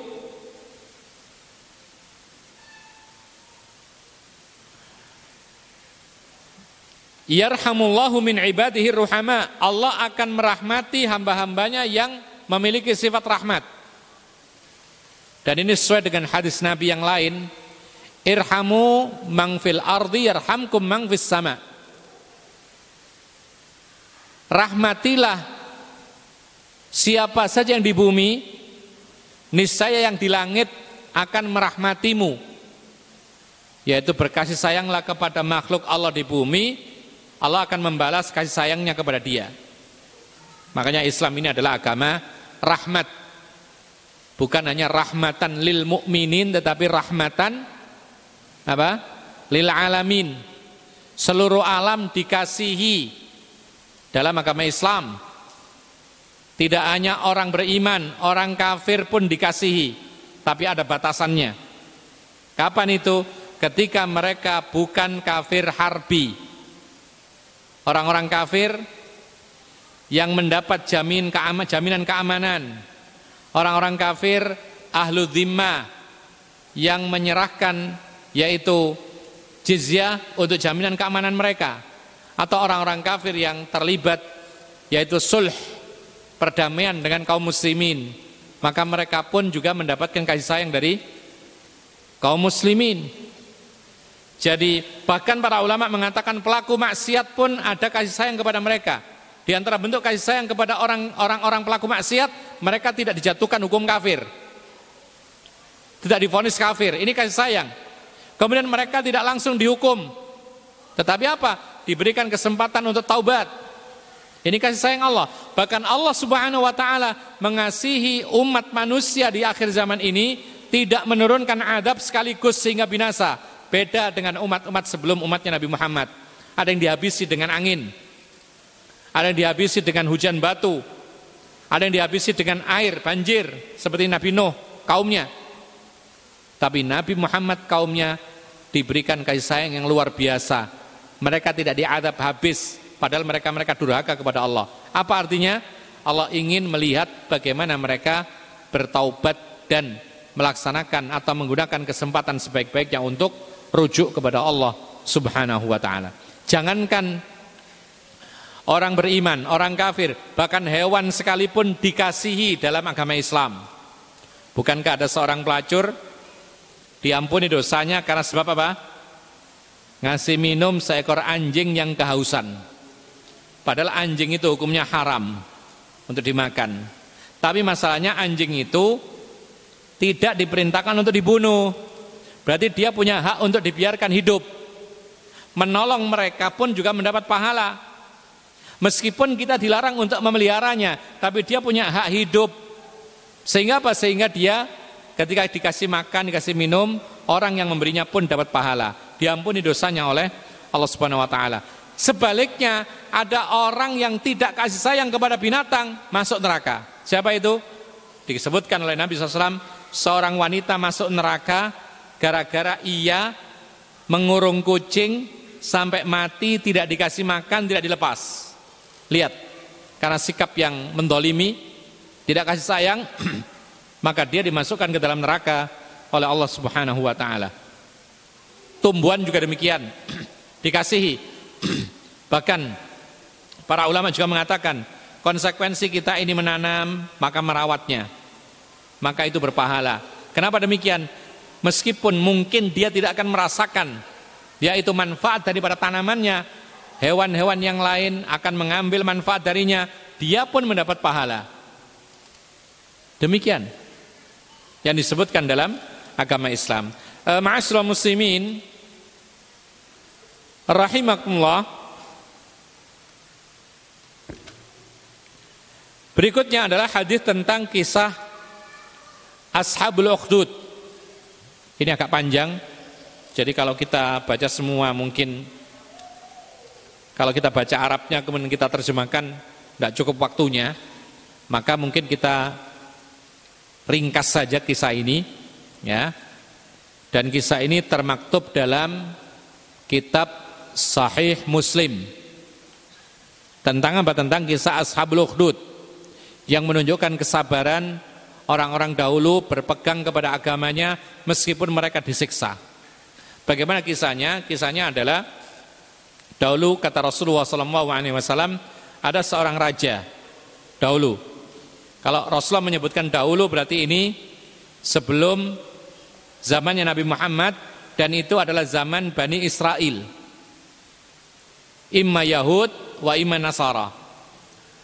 Nah, dahulu kata Rasulullah SAW ada seorang raja memiliki tukang sihir dukun, tukang sihir. Disebutkan oleh para ulama ini subhanallah bagus ini perkataan. Penguasa yang tidak menjalankan syariat agama Islam, tidak menjalankan hukum Allah, maka biasanya dia pasti butuh kepada dukun dan tukang sihir. Ini kenyataan. Dan itu dikatakan oleh para ulama. Jadi penguasa yang berkuasa tidak menjalankan agamanya, tidak menjalankan qala Allah qala Rasul, maka biasanya dia membutuhkan awan yakni uh, musaid pembantu-pembantu dari kalangan tukang sihir dan dukun-dukun. Ya. Nah, raja ini memiliki tukang sihir yang hebat. Lalu tatkala tukang sihir ini sudah tua, sudah tua, maka tukang sihir berkata kepada sang raja, dia mengatakan aku sudah tua, maka kirimkan kepada aku seorang pemuda yang tangguh, aku akan ajarkan sihir kepadanya, diwariskan. Maka dikirimlah seorang pemuda yang tangguh kepada tukang sihir ini untuk belajar sihir mewarisi ilmu sihirnya. Dan ini menunjukkan bahwasanya perdukunan sihir memang turun temurun. Ada ilmunya. Beda dengan karoma. Karoma itu nggak pakai pelajaran. Gak ada menurunkan pelajaran karoma. Kalau yang diturunkan itu ilmu sihir. Kesaktian-kesaktian. Kalau diturunkan dipelajari. Itu bukan karoma tapi itu ilmu sihir. Karena karoma gak ada pelajarannya, gak ada ilmunya. Tahu-tahu datang begitu Allah yang menghendaki. Nah kalau diajarkan, dipelajari, bahkan ada ritualnya, tirakat dan lain sebagainya, maka ini adalah ilmu sihir. Nah, ketika diajarkan kepada si anak pemuda tangguh ini, maka setiap hari dia datang, pulang, datang, pulang. Maka ketika perjalanan hendak menemui sang tukang sihir tua, maka si pemuda ketemu di jalan dengan seorang ahli ilmu atau ulamanya kaum Nasara.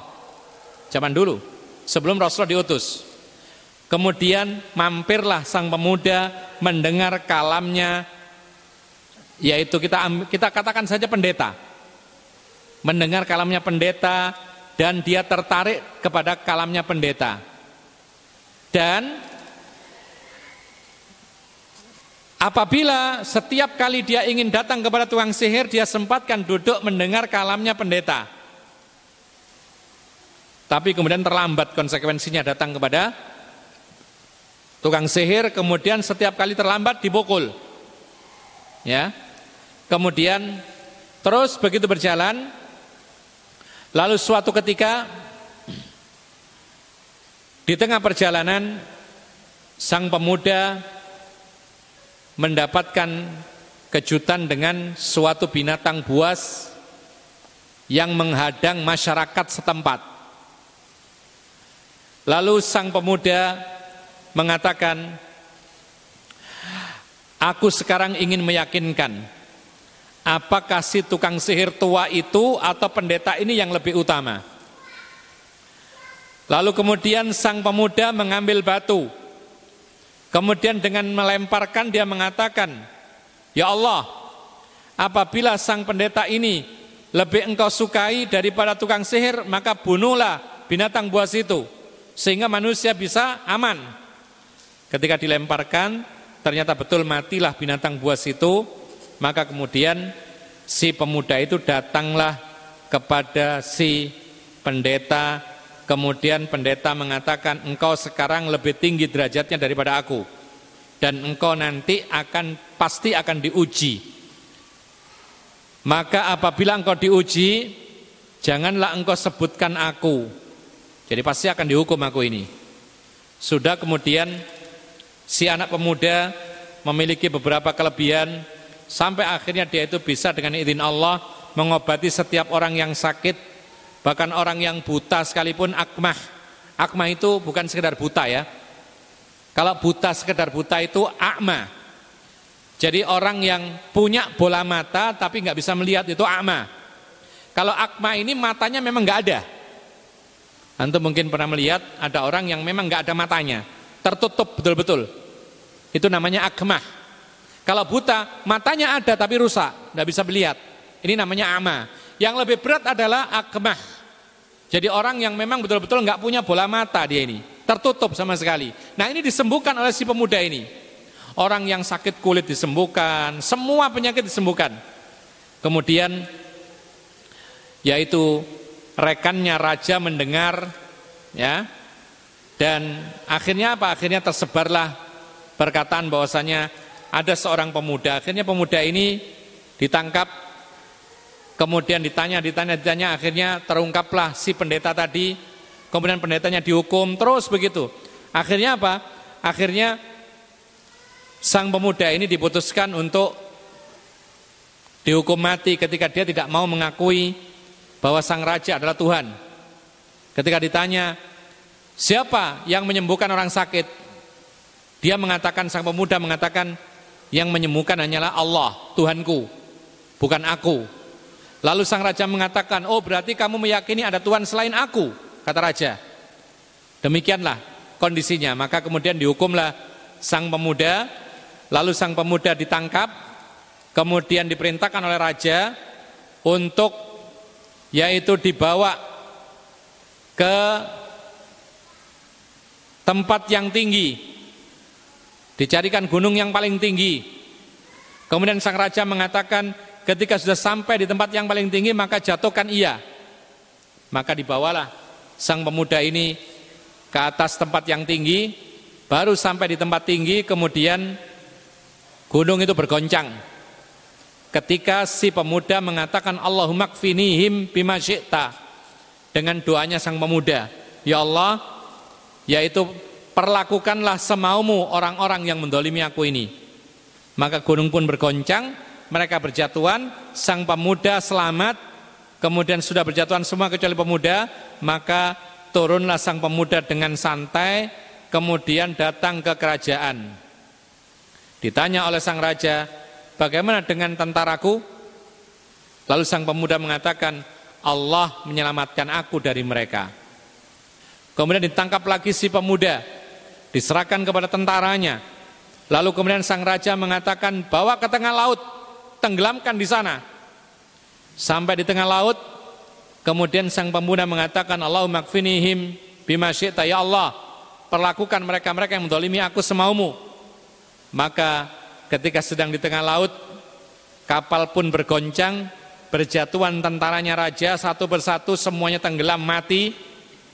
Si pemuda selamat, kemudian sampai ke daratan, datang lagi kepada sang raja. Sang raja bertanya, bagaimana dengan tentaraku? Maka sang pemuda mengatakan, Allah memperlakukan mereka sesuai dengan kehendaknya. Aku diselamatkan oleh Allah. Maka kemudian sang pemuda mengatakan, ini sudah dihukum mati sebenarnya.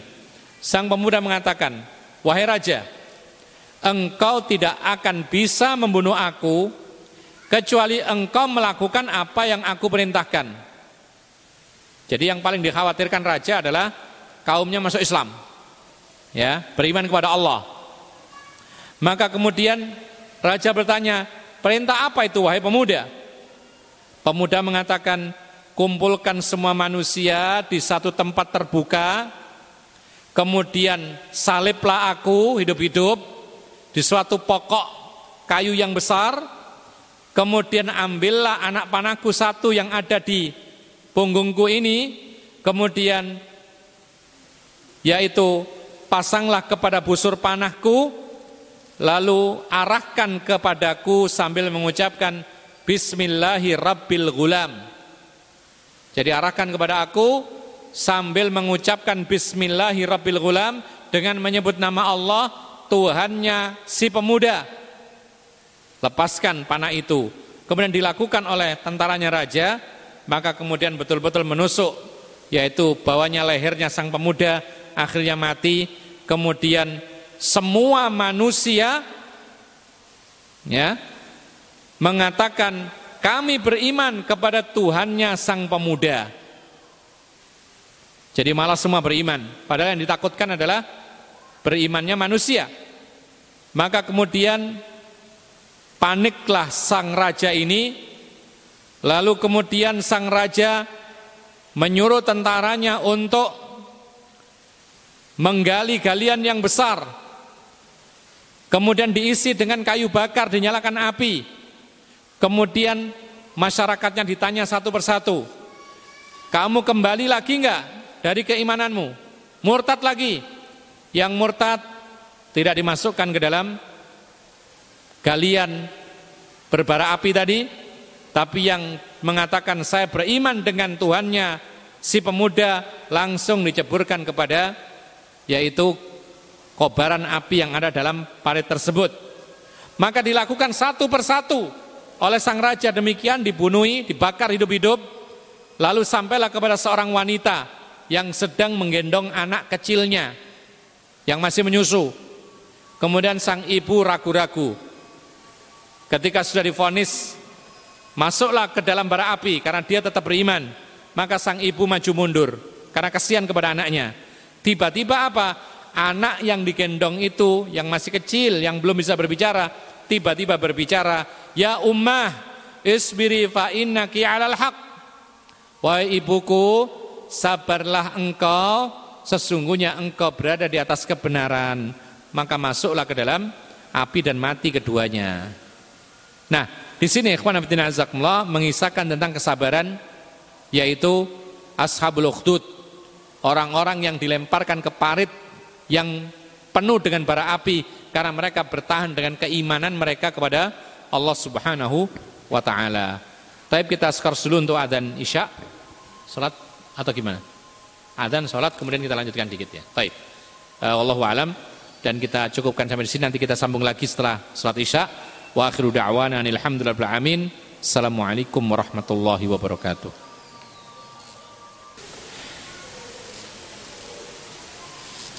Bismillah. Assalamualaikum warahmatullahi wabarakatuh. Bismillahirrahmanirrahim. Alhamdulillah rabbil alamin. Wa bihi nasta'inu ala umuri dunya wad din.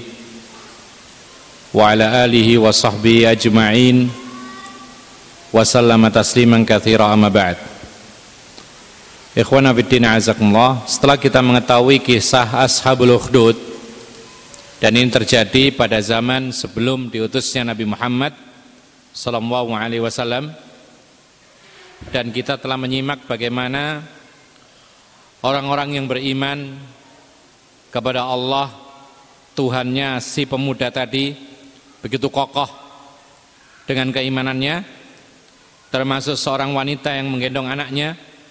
Lalu muncullah saat itu sebuah keajaiban. Si anak yang sedang digendong yang masih menyusu bisa berbicara menguatkan imannya sang ibu. Maka kita bisa memetik beberapa ibrah di antaranya adalah yang pertama Demikianlah kondisi para penguasa Ketika mereka zalim dan aniaya kepada rakyatnya Dan tidak menjadikan agama sebagai pedoman Maka mereka membutuhkan penguat Dari para tukang sihir dan dukun-dukun. Dan itu terjadi di zamannya para nabi yang terdahulu seperti Nabi Musa, Nabi Sulaiman dan lain sebagainya. Ketika pemimpin-pemimpin zalim pada zaman nabi-nabi itu tidak menggunakan petunjuk Allah sebagai dasar dalam menjalani kekuasaan mereka, maka mereka membutuhkan yaitu orang-orang yang dikatakan sebagai orang pintar, paranormal, dukun, kemudian uh, sihir, tukang sihir dan lain sebagainya. Termasuk di antaranya yang sekarang kita jumpai adalah orang yang dikenal sebagai pawang hujan dan semisalnya maka ini termasuk bagian daripada dukun yang telah dilarang dalam agama Islam. Dan ada satu hal yang perlu disampaikan. Kalau ada yang mengatakan bahwasanya boleh-boleh saja mengadakan atau mendatangkan pawang hujan karena itu sekedar usaha. Kita katakan bahwasanya kalau usahanya usaha yang konkret silakan. Usahanya konkret. Ditempuh sabab akibat silakan ini boleh dalam Islam. Dokter mengobati pasien dengan obat, mengoperasi penyakit, ini usaha konkret. Ya. Tapi kalau seandainya dokter kemudian bakar kemenyan, komat kamit, mantra, maka ini adalah usaha-usaha yang tidak konkret. Maka inilah sebagai Bukti bahwasanya ini merupakan salah satu aktivitas persyaratan dari para syaitan. Dan para ulama menceritakan tentang seperti ini apabila ada mantra yang keluar dari lisannya yang mana mantra itu tidak dipahami sebagai bahasanya iya, bukan pula bahasa Al-Qur'an dan hadis, maka itu berarti mantra dan mantra itu datangnya dari setan. Bukan dari Allah, bukan dari malaikat, bukan dari Rasulullah, bukan dari para ulama tapi dari setan dan itu menunjukkan bahwasanya dia yaitu menjalin hubungan istimewa dan saling ta'awun tolong menolong dengan bangsa jin. Dan ini sudah diterangkan oleh Allah Subhanahu wa taala. Yaitu Allah mengatakan wa yauma yahsyuruhum jami'an ya ma'syaral jin qad istakthartum minal ings nanti pada hari dikumpulkan manusia semuanya di padang mahsyar maka Allah mengatakan wahai bangsa jin, kalian telah berbuat banyak menyesatkan manusia. Wa qala awliya'uhum minal ings, Rabbana istamta'a ba'duna bi ba'dhin. Lalu kemudian kawan-kawan jin dari kalangan manusia mengatakan, "Ya Allah, kami satu sama lain itu saling mendapatkan manfaat. Dengan saling bantu membantu ini, ikatan hubungan khusus dengan jin ini manusia dapat manfaat jin dapat manfaat wabalagna alladhi wabalagna ajalana alladhi ajal talana lalu sampailah ajal kami kemudian Allah mengatakan qala naru khalidina fiha. Maka nerakalah tempat kembali kalian sebagai tempat yang hina buat kalian. Lihat bagaimana Allah Subhanahu wa taala menentukan masuk neraka bagi orang yang menjalin hubungan kerjasama dengan setan dan jin. Dan disebutkan oleh para ulama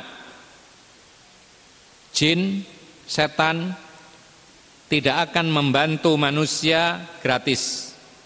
Karena di situ ada kalimat istamta'a ba'duna bi kami mendapat manfaat, mereka mendapat manfaat.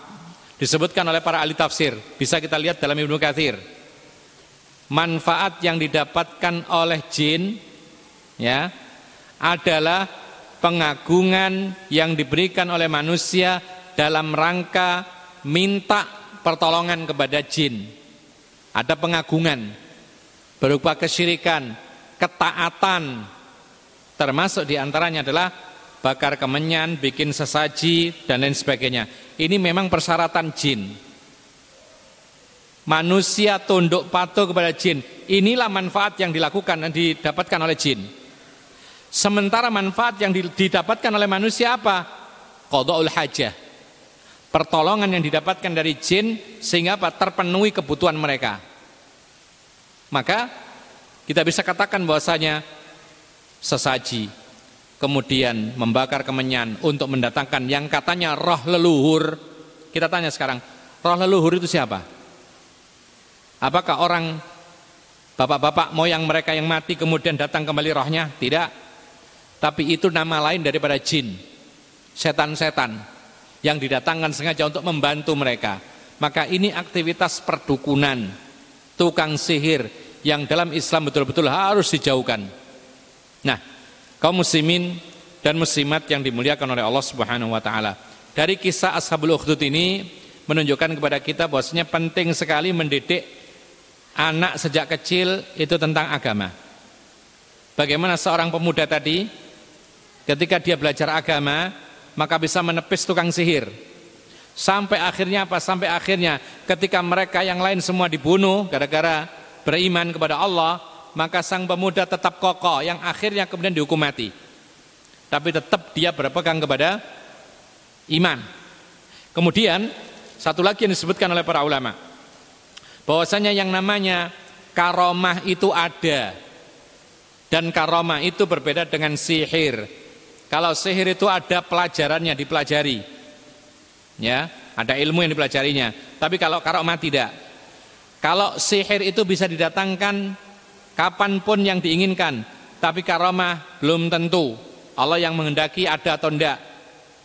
Sama-sama keluar biasaan, tapi kalau karomah ini hanya Allah yang bisa menentukan kapan adanya. Kemudian yang namanya karomah itu menjadikan seseorang semakin dekat kepada Allah. Sementara sihir menjadikan seseorang semakin jauh dari Allah, tapi dekat dengan setan. Tambah jauh dari ibadah, tambah jauh dari ketakwaan, semakin dekat dengan ritual-ritual syaitania, itu ciri-ciri sihir, perdukunan. Tapi kalau karamah menjadikan seorang itu lebih dekat. Lalu yang berikutnya disebutkan oleh para ulama, di antara beda antara karamah dengan sihir, kalau karamah itu pemilik karamah tidak akan pamer dan tidak akan mempertontonkan bahwa ini adalah karomah. Dia semakin tawaduk dan tidak akan mengungkapkan kepada orang banyak. Karena nanti akibatnya apa? Orang akan mengagungkannya. Tapi kalau sihir, dia pertontonkan. Diperlihatkan bahwa dirinya sakti, mengundang orang untuk menyaksikan. Ini ciri-ciri sihir. Bahkan ujung-ujungnya adalah keluar biasaan itu untuk menipu umat, untuk apa? Supaya mereka mau mengeluarkan harta bendanya untuk dia. Ini tukang sihir. Tapi kalau karamah bukan untuk pertunjukan. Debus dan lain sebagainya itu semuanya ilmu sihir. Karena itu dipertontonkan untuk jualan, mengumpulkan uangnya orang. Tapi kalau karomah tidak demikian. Kemudian ma'asyiral muslimin rahimakumullah. Al hidayatu biadillah. Yani hidayatu taufik, hidayah taufik keimanan itu ada di tangan Allah. Lihat bagaimana seorang anak yang dipersiapkan untuk menjadi pengganti tukang sihir ternyata dapat hidayah beriman kepada Allah. Lihat bagaimana yaitu orang-orang masyarakat setempat yang tadinya mendukung raja yang kafir kemudian ketika melihat anak panah menembus si pemuda dengan izin Allah dengan menyebut nama Allah maka mereka semua beriman. Maka inilah yang namanya al-hidayah biadillah. Hidayah itu ada di tangan Allah Subhanahu wa taala. Kemudian ma'asyiral muslimin rahimakumullah. Demikianlah ujian.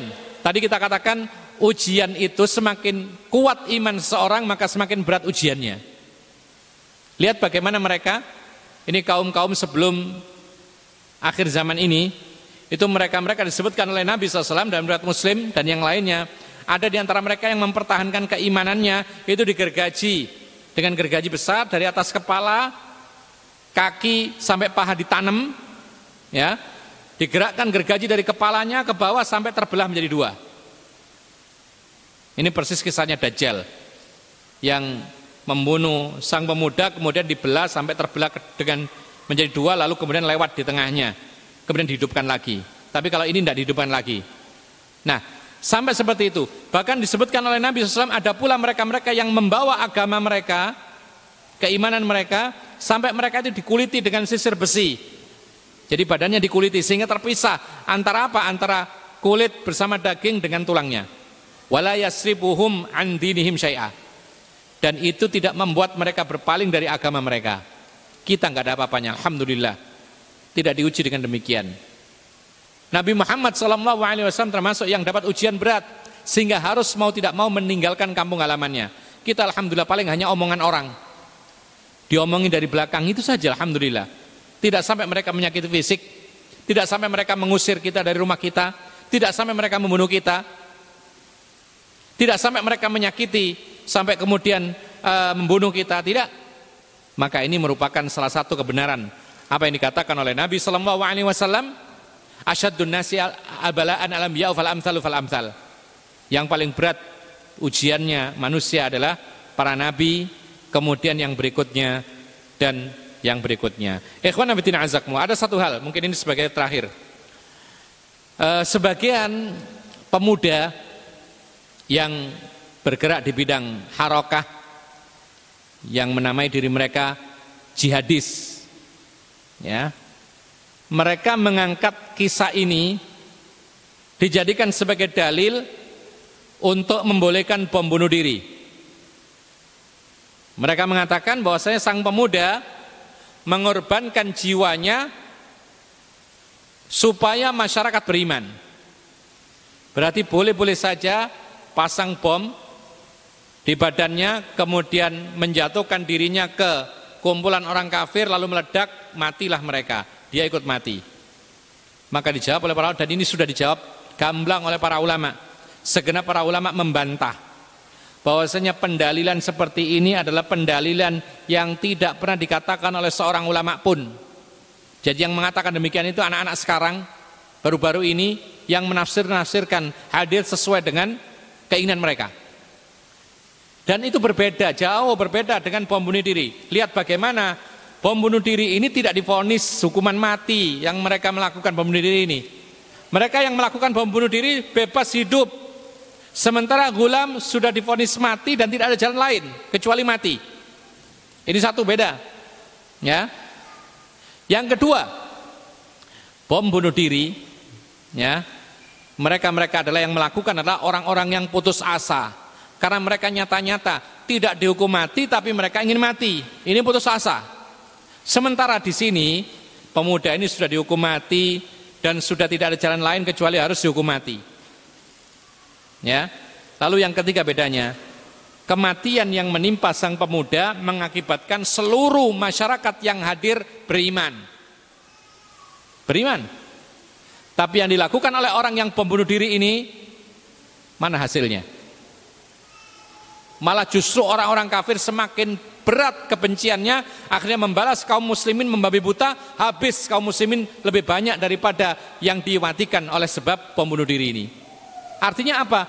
Kemaslahat kemaslahatan yang timbul dari sikap pemuda ini adalah kemaslahatan yang besar sementara pembunuh diri itu mudorotnya lebih besar.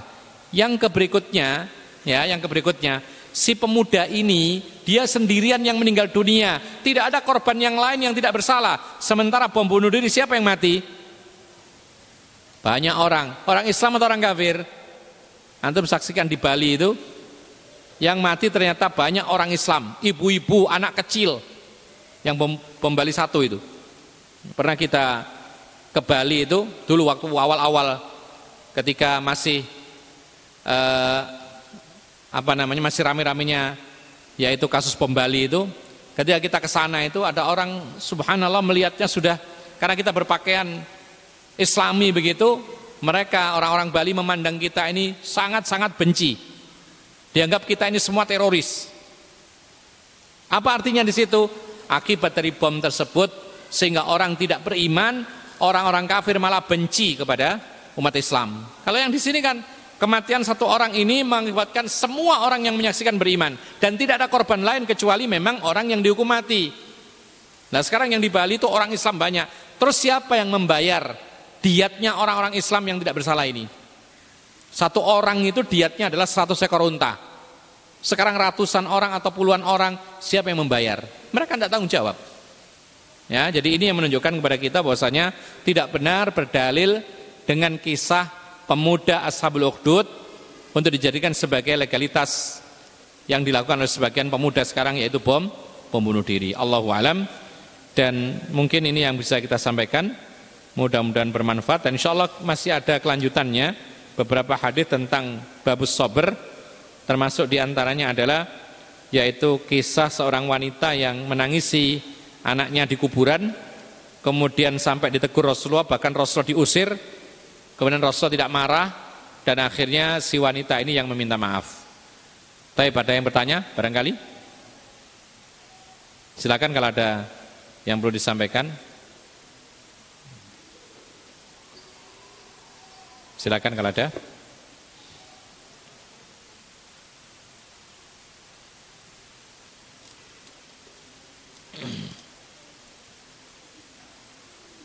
Ada beberapa hal yang disampaikan juga tadi terlewatkan dan ini menunjukkan kepada kita bahwasanya ada beberapa orang bayi yang ditakdirkan berbicara. Ada beberapa bayi yang ditakdirkan oleh Allah bisa berbicara padahal dia masih menyusu. Ya. Yang pertama di antaranya adalah Nabi siapa? Nabi siapa? Nabi Isa. Ketika dibawa oleh ibunya Maryam dari tempat yaitu pengasingan, tiba-tiba membawa seorang anak yang lahir tanpa bapak, roh ditiup oleh malaikat, kemudian orang-orang menuduh dia berzina sampai punya anak, dan Allah Subhanahu wa taala memerintahkan supaya tidak berbicara apa-apa kecuali pakai isyarat, maka dia berisyarat terus kepada sang anak. Terus begitu, dengan sabarnya berbicara berisyarat. Ditanya oleh mereka, "Si anak siapa ini?" Langsung begini terus. "Kamu berzina ya?" Langsung dia menunjuk terus. Sampai akhirnya kemudian dengan izin Allah sang anak kecil ini berbicara, "Ini Abdullah ataniyal kitab wa ja'alani nabiyya wa ja'alani mubarakan aina ma Wa usani bis salati wa zakati madum tuhaya. Berbicara, menerangkan bahwasanya dia adalah seorang anak yang akan diangkat sebagai nabi. Ini satu. Lalu yang kedua kisahnya Juraij. Juraij ahli ibadah yang sempat bersalah ketika dipanggil oleh ibunya dia tidak menyaut panggilan ibunya dia teruskan salat sunnah akhirnya dia dapat fitnah karena ucapan ibunya terkabul. Ya Allah jangan kau matikan Jurej kecuali sempat bertemu dengan pelacur. Akhirnya bertemu dengan pelacur, digoda pelacur tidak mempan, ya akhirnya pelacur berzina dengan pengembala, kemudian hamil melahirkan, kemudian manusia menuduh bahwasanya anak kecil yang lahir adalah anaknya Jurej. Kemudian Jurej dihakimi, dihancurkan tempat ibadahnya, akan dibunuh Kemudian si Jurej mengatakan, tanyakan kepada sang anak siapa bapaknya. Ternyata bicara. Dia mengatakan bahwasanya bapak saya adalah sang pengembala. Lalu yang ketiga adalah yaitu as-sabi fi qissati ashabil ukhdud. Seorang anak bayi dalam kisahnya ashabul ukhdud, manusia-manusia yang beriman kepada Tuhannya pemuda tadi Ketika dicek satu persatu oleh sang raja kafir, yang beriman diceburkan. Yang murtad diselamatkan. Terus sampai kepada sang ibu yang menggendong anaknya, ibu ini tetap beriman, kemudian dia ragu. Ketika disuruh menceburkan dirinya ke bara api, maka sang anak menguatkan dengan keimanannya, dia mengatakan, "Wahai ibuku, engkau berada di atas kebenaran, tidak ada masalah." Akhirnya kemudian mereka berdua jatuh ke bara api dan akhirnya mati di jalan Allah Subhanahu wa taala dan di situ ada yaitu pernyataan bahwa bayi ini termasuk bayi yang sempat berbicara dengan izin Allah meskipun dia masih kecil menyusui. Nah, ini yang bisa kita sampaikan. E, kiranya cukup sampai di sini. Mudah-mudahan bermanfaat. Wa akhiru da'wana alhamdulillahirabbil alamin. Wa sallallahu ala nabiyina Muhammadin wa ala alihi wa sahbihi ajma'in. Bihamdika asyhadu an la ilaha illa anta astaghfiruka wa atubu ilaik. Warahmatullahi wabarakatuh.